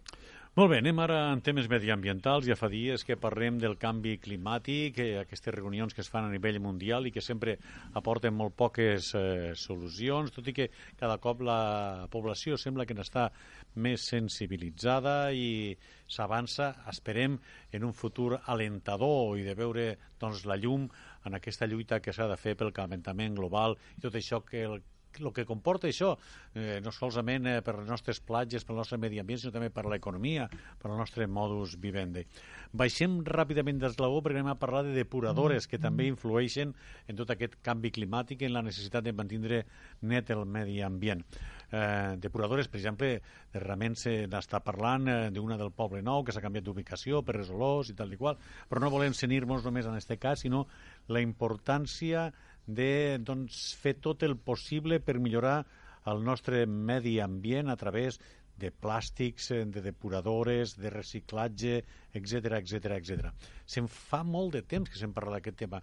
Es fa molta pedagogia, però no sé si és condició humana que això no acaba de funcionar. Miquel, i tu com a regió de governació en tens eh, dades d'això, no? Bueno, jo, jo, més enllà de la depuradora del Poble Nou, que en breu serà una realitat, la, la d'eucaliptus, que en breu pensem que també serà una realitat, que no té cap sentit, que en un espai, un ecosistema natural com està Poble Nou i eucaliptus, s'acaben abocant els residus a, sí, a canals a, a, a o a la canal. platja o al riu, sí, sí. I, però més enllà d'això, jo penso que la població ja està fent un canvi de xip i ho, ho has detectat? Tu? Ho he detectat. Mira, l'altre jo encara no, és algo que, que he de fer, però l'altre dia estava a la carnisseria, a l'imposta, i ja me comentava la, la propietària que era més d'una persona que anava en, en tupperwares per posar la car i, i penso que, que poquet a poquet anirem avançant, la gent cada dia és més conscient, cada, cada dia la gent recicla més i al final penso que, que han fet este canvi de xip que era necessari per tal de poder salvaguardar el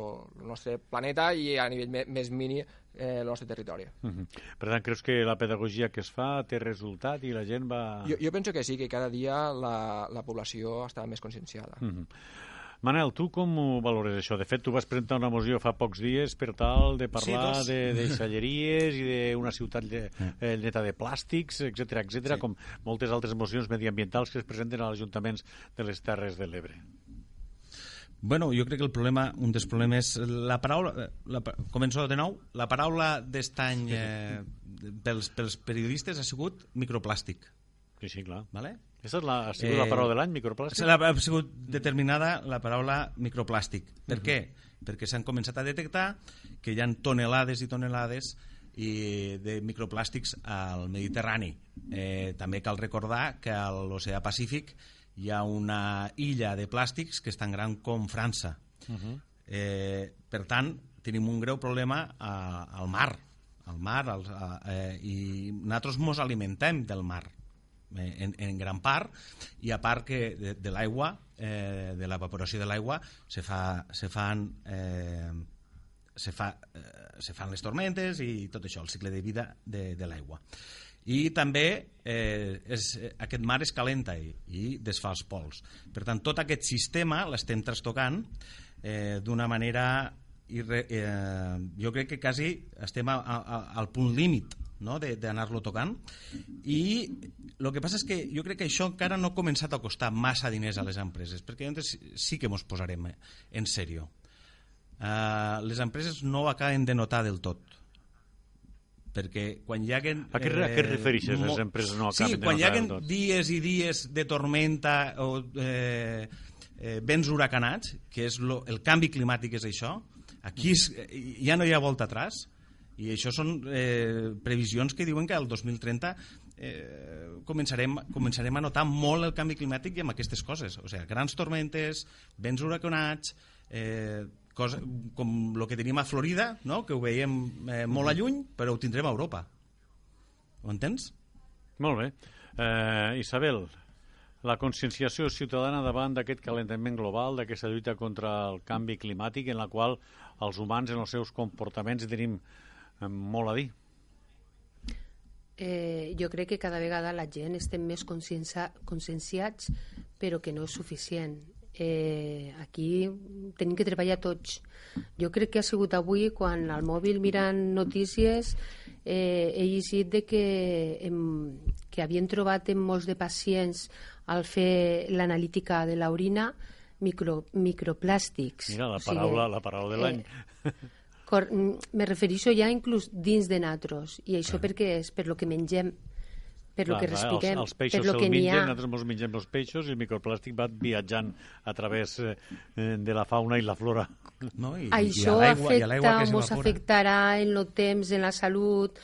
Mm, jo crec que sí, i jo crec que ens tenim que ficar, o us haurien de ficar tots, però sobretot entre els que més manen i en piramidal cap a baix, eh, molt en sèrio perquè, perquè no som conscients. Eh, crec que Miquel ha dit eh, no, Manel me penso que ha sigut eh, que al 2030 vindran pues, huracans i el temps. Eh, és que això no tenim que esperar el 2030 és que ja està passant ara -huh. És que ens comença a passar ara. Què serà d'aquí a 15, 20, 30 anys si no fem res i continuem com fins ara? Sí que és cert, jo fa dos o tres anys vaig notar un canvi en, en la gent quan va comprar no porta bosses de plàstic com abans, porten aquestes bosses de ràfia, però, però és que això no és res per a tot el que s'hauria de fer.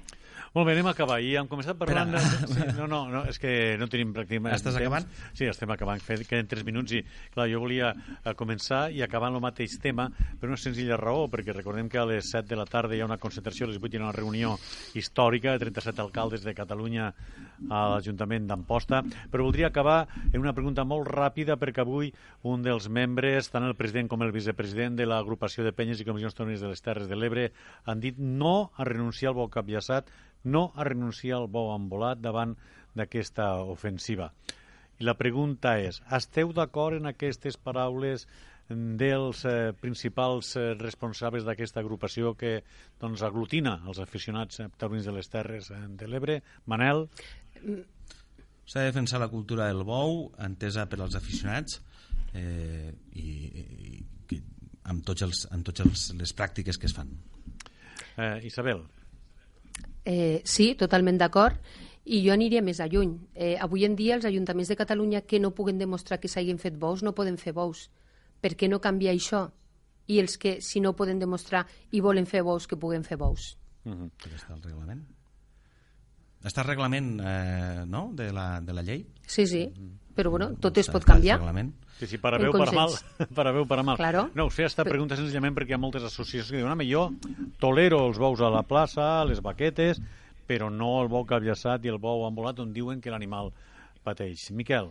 Bé, jo comparteixo les paraules que, que han fet, no sé si era Guillermo un dels que, que ho havia fet, de fet fa, des de que tinc 15 anys, abans ho comentàvem a, a, a a la pausa de, de publicitat, que des de 15 anys que poso palco als bous en posta, veig els bous embolats, veig el bou capllaçat i per tant tinc l'esperança que podré continuar anant molts anys més.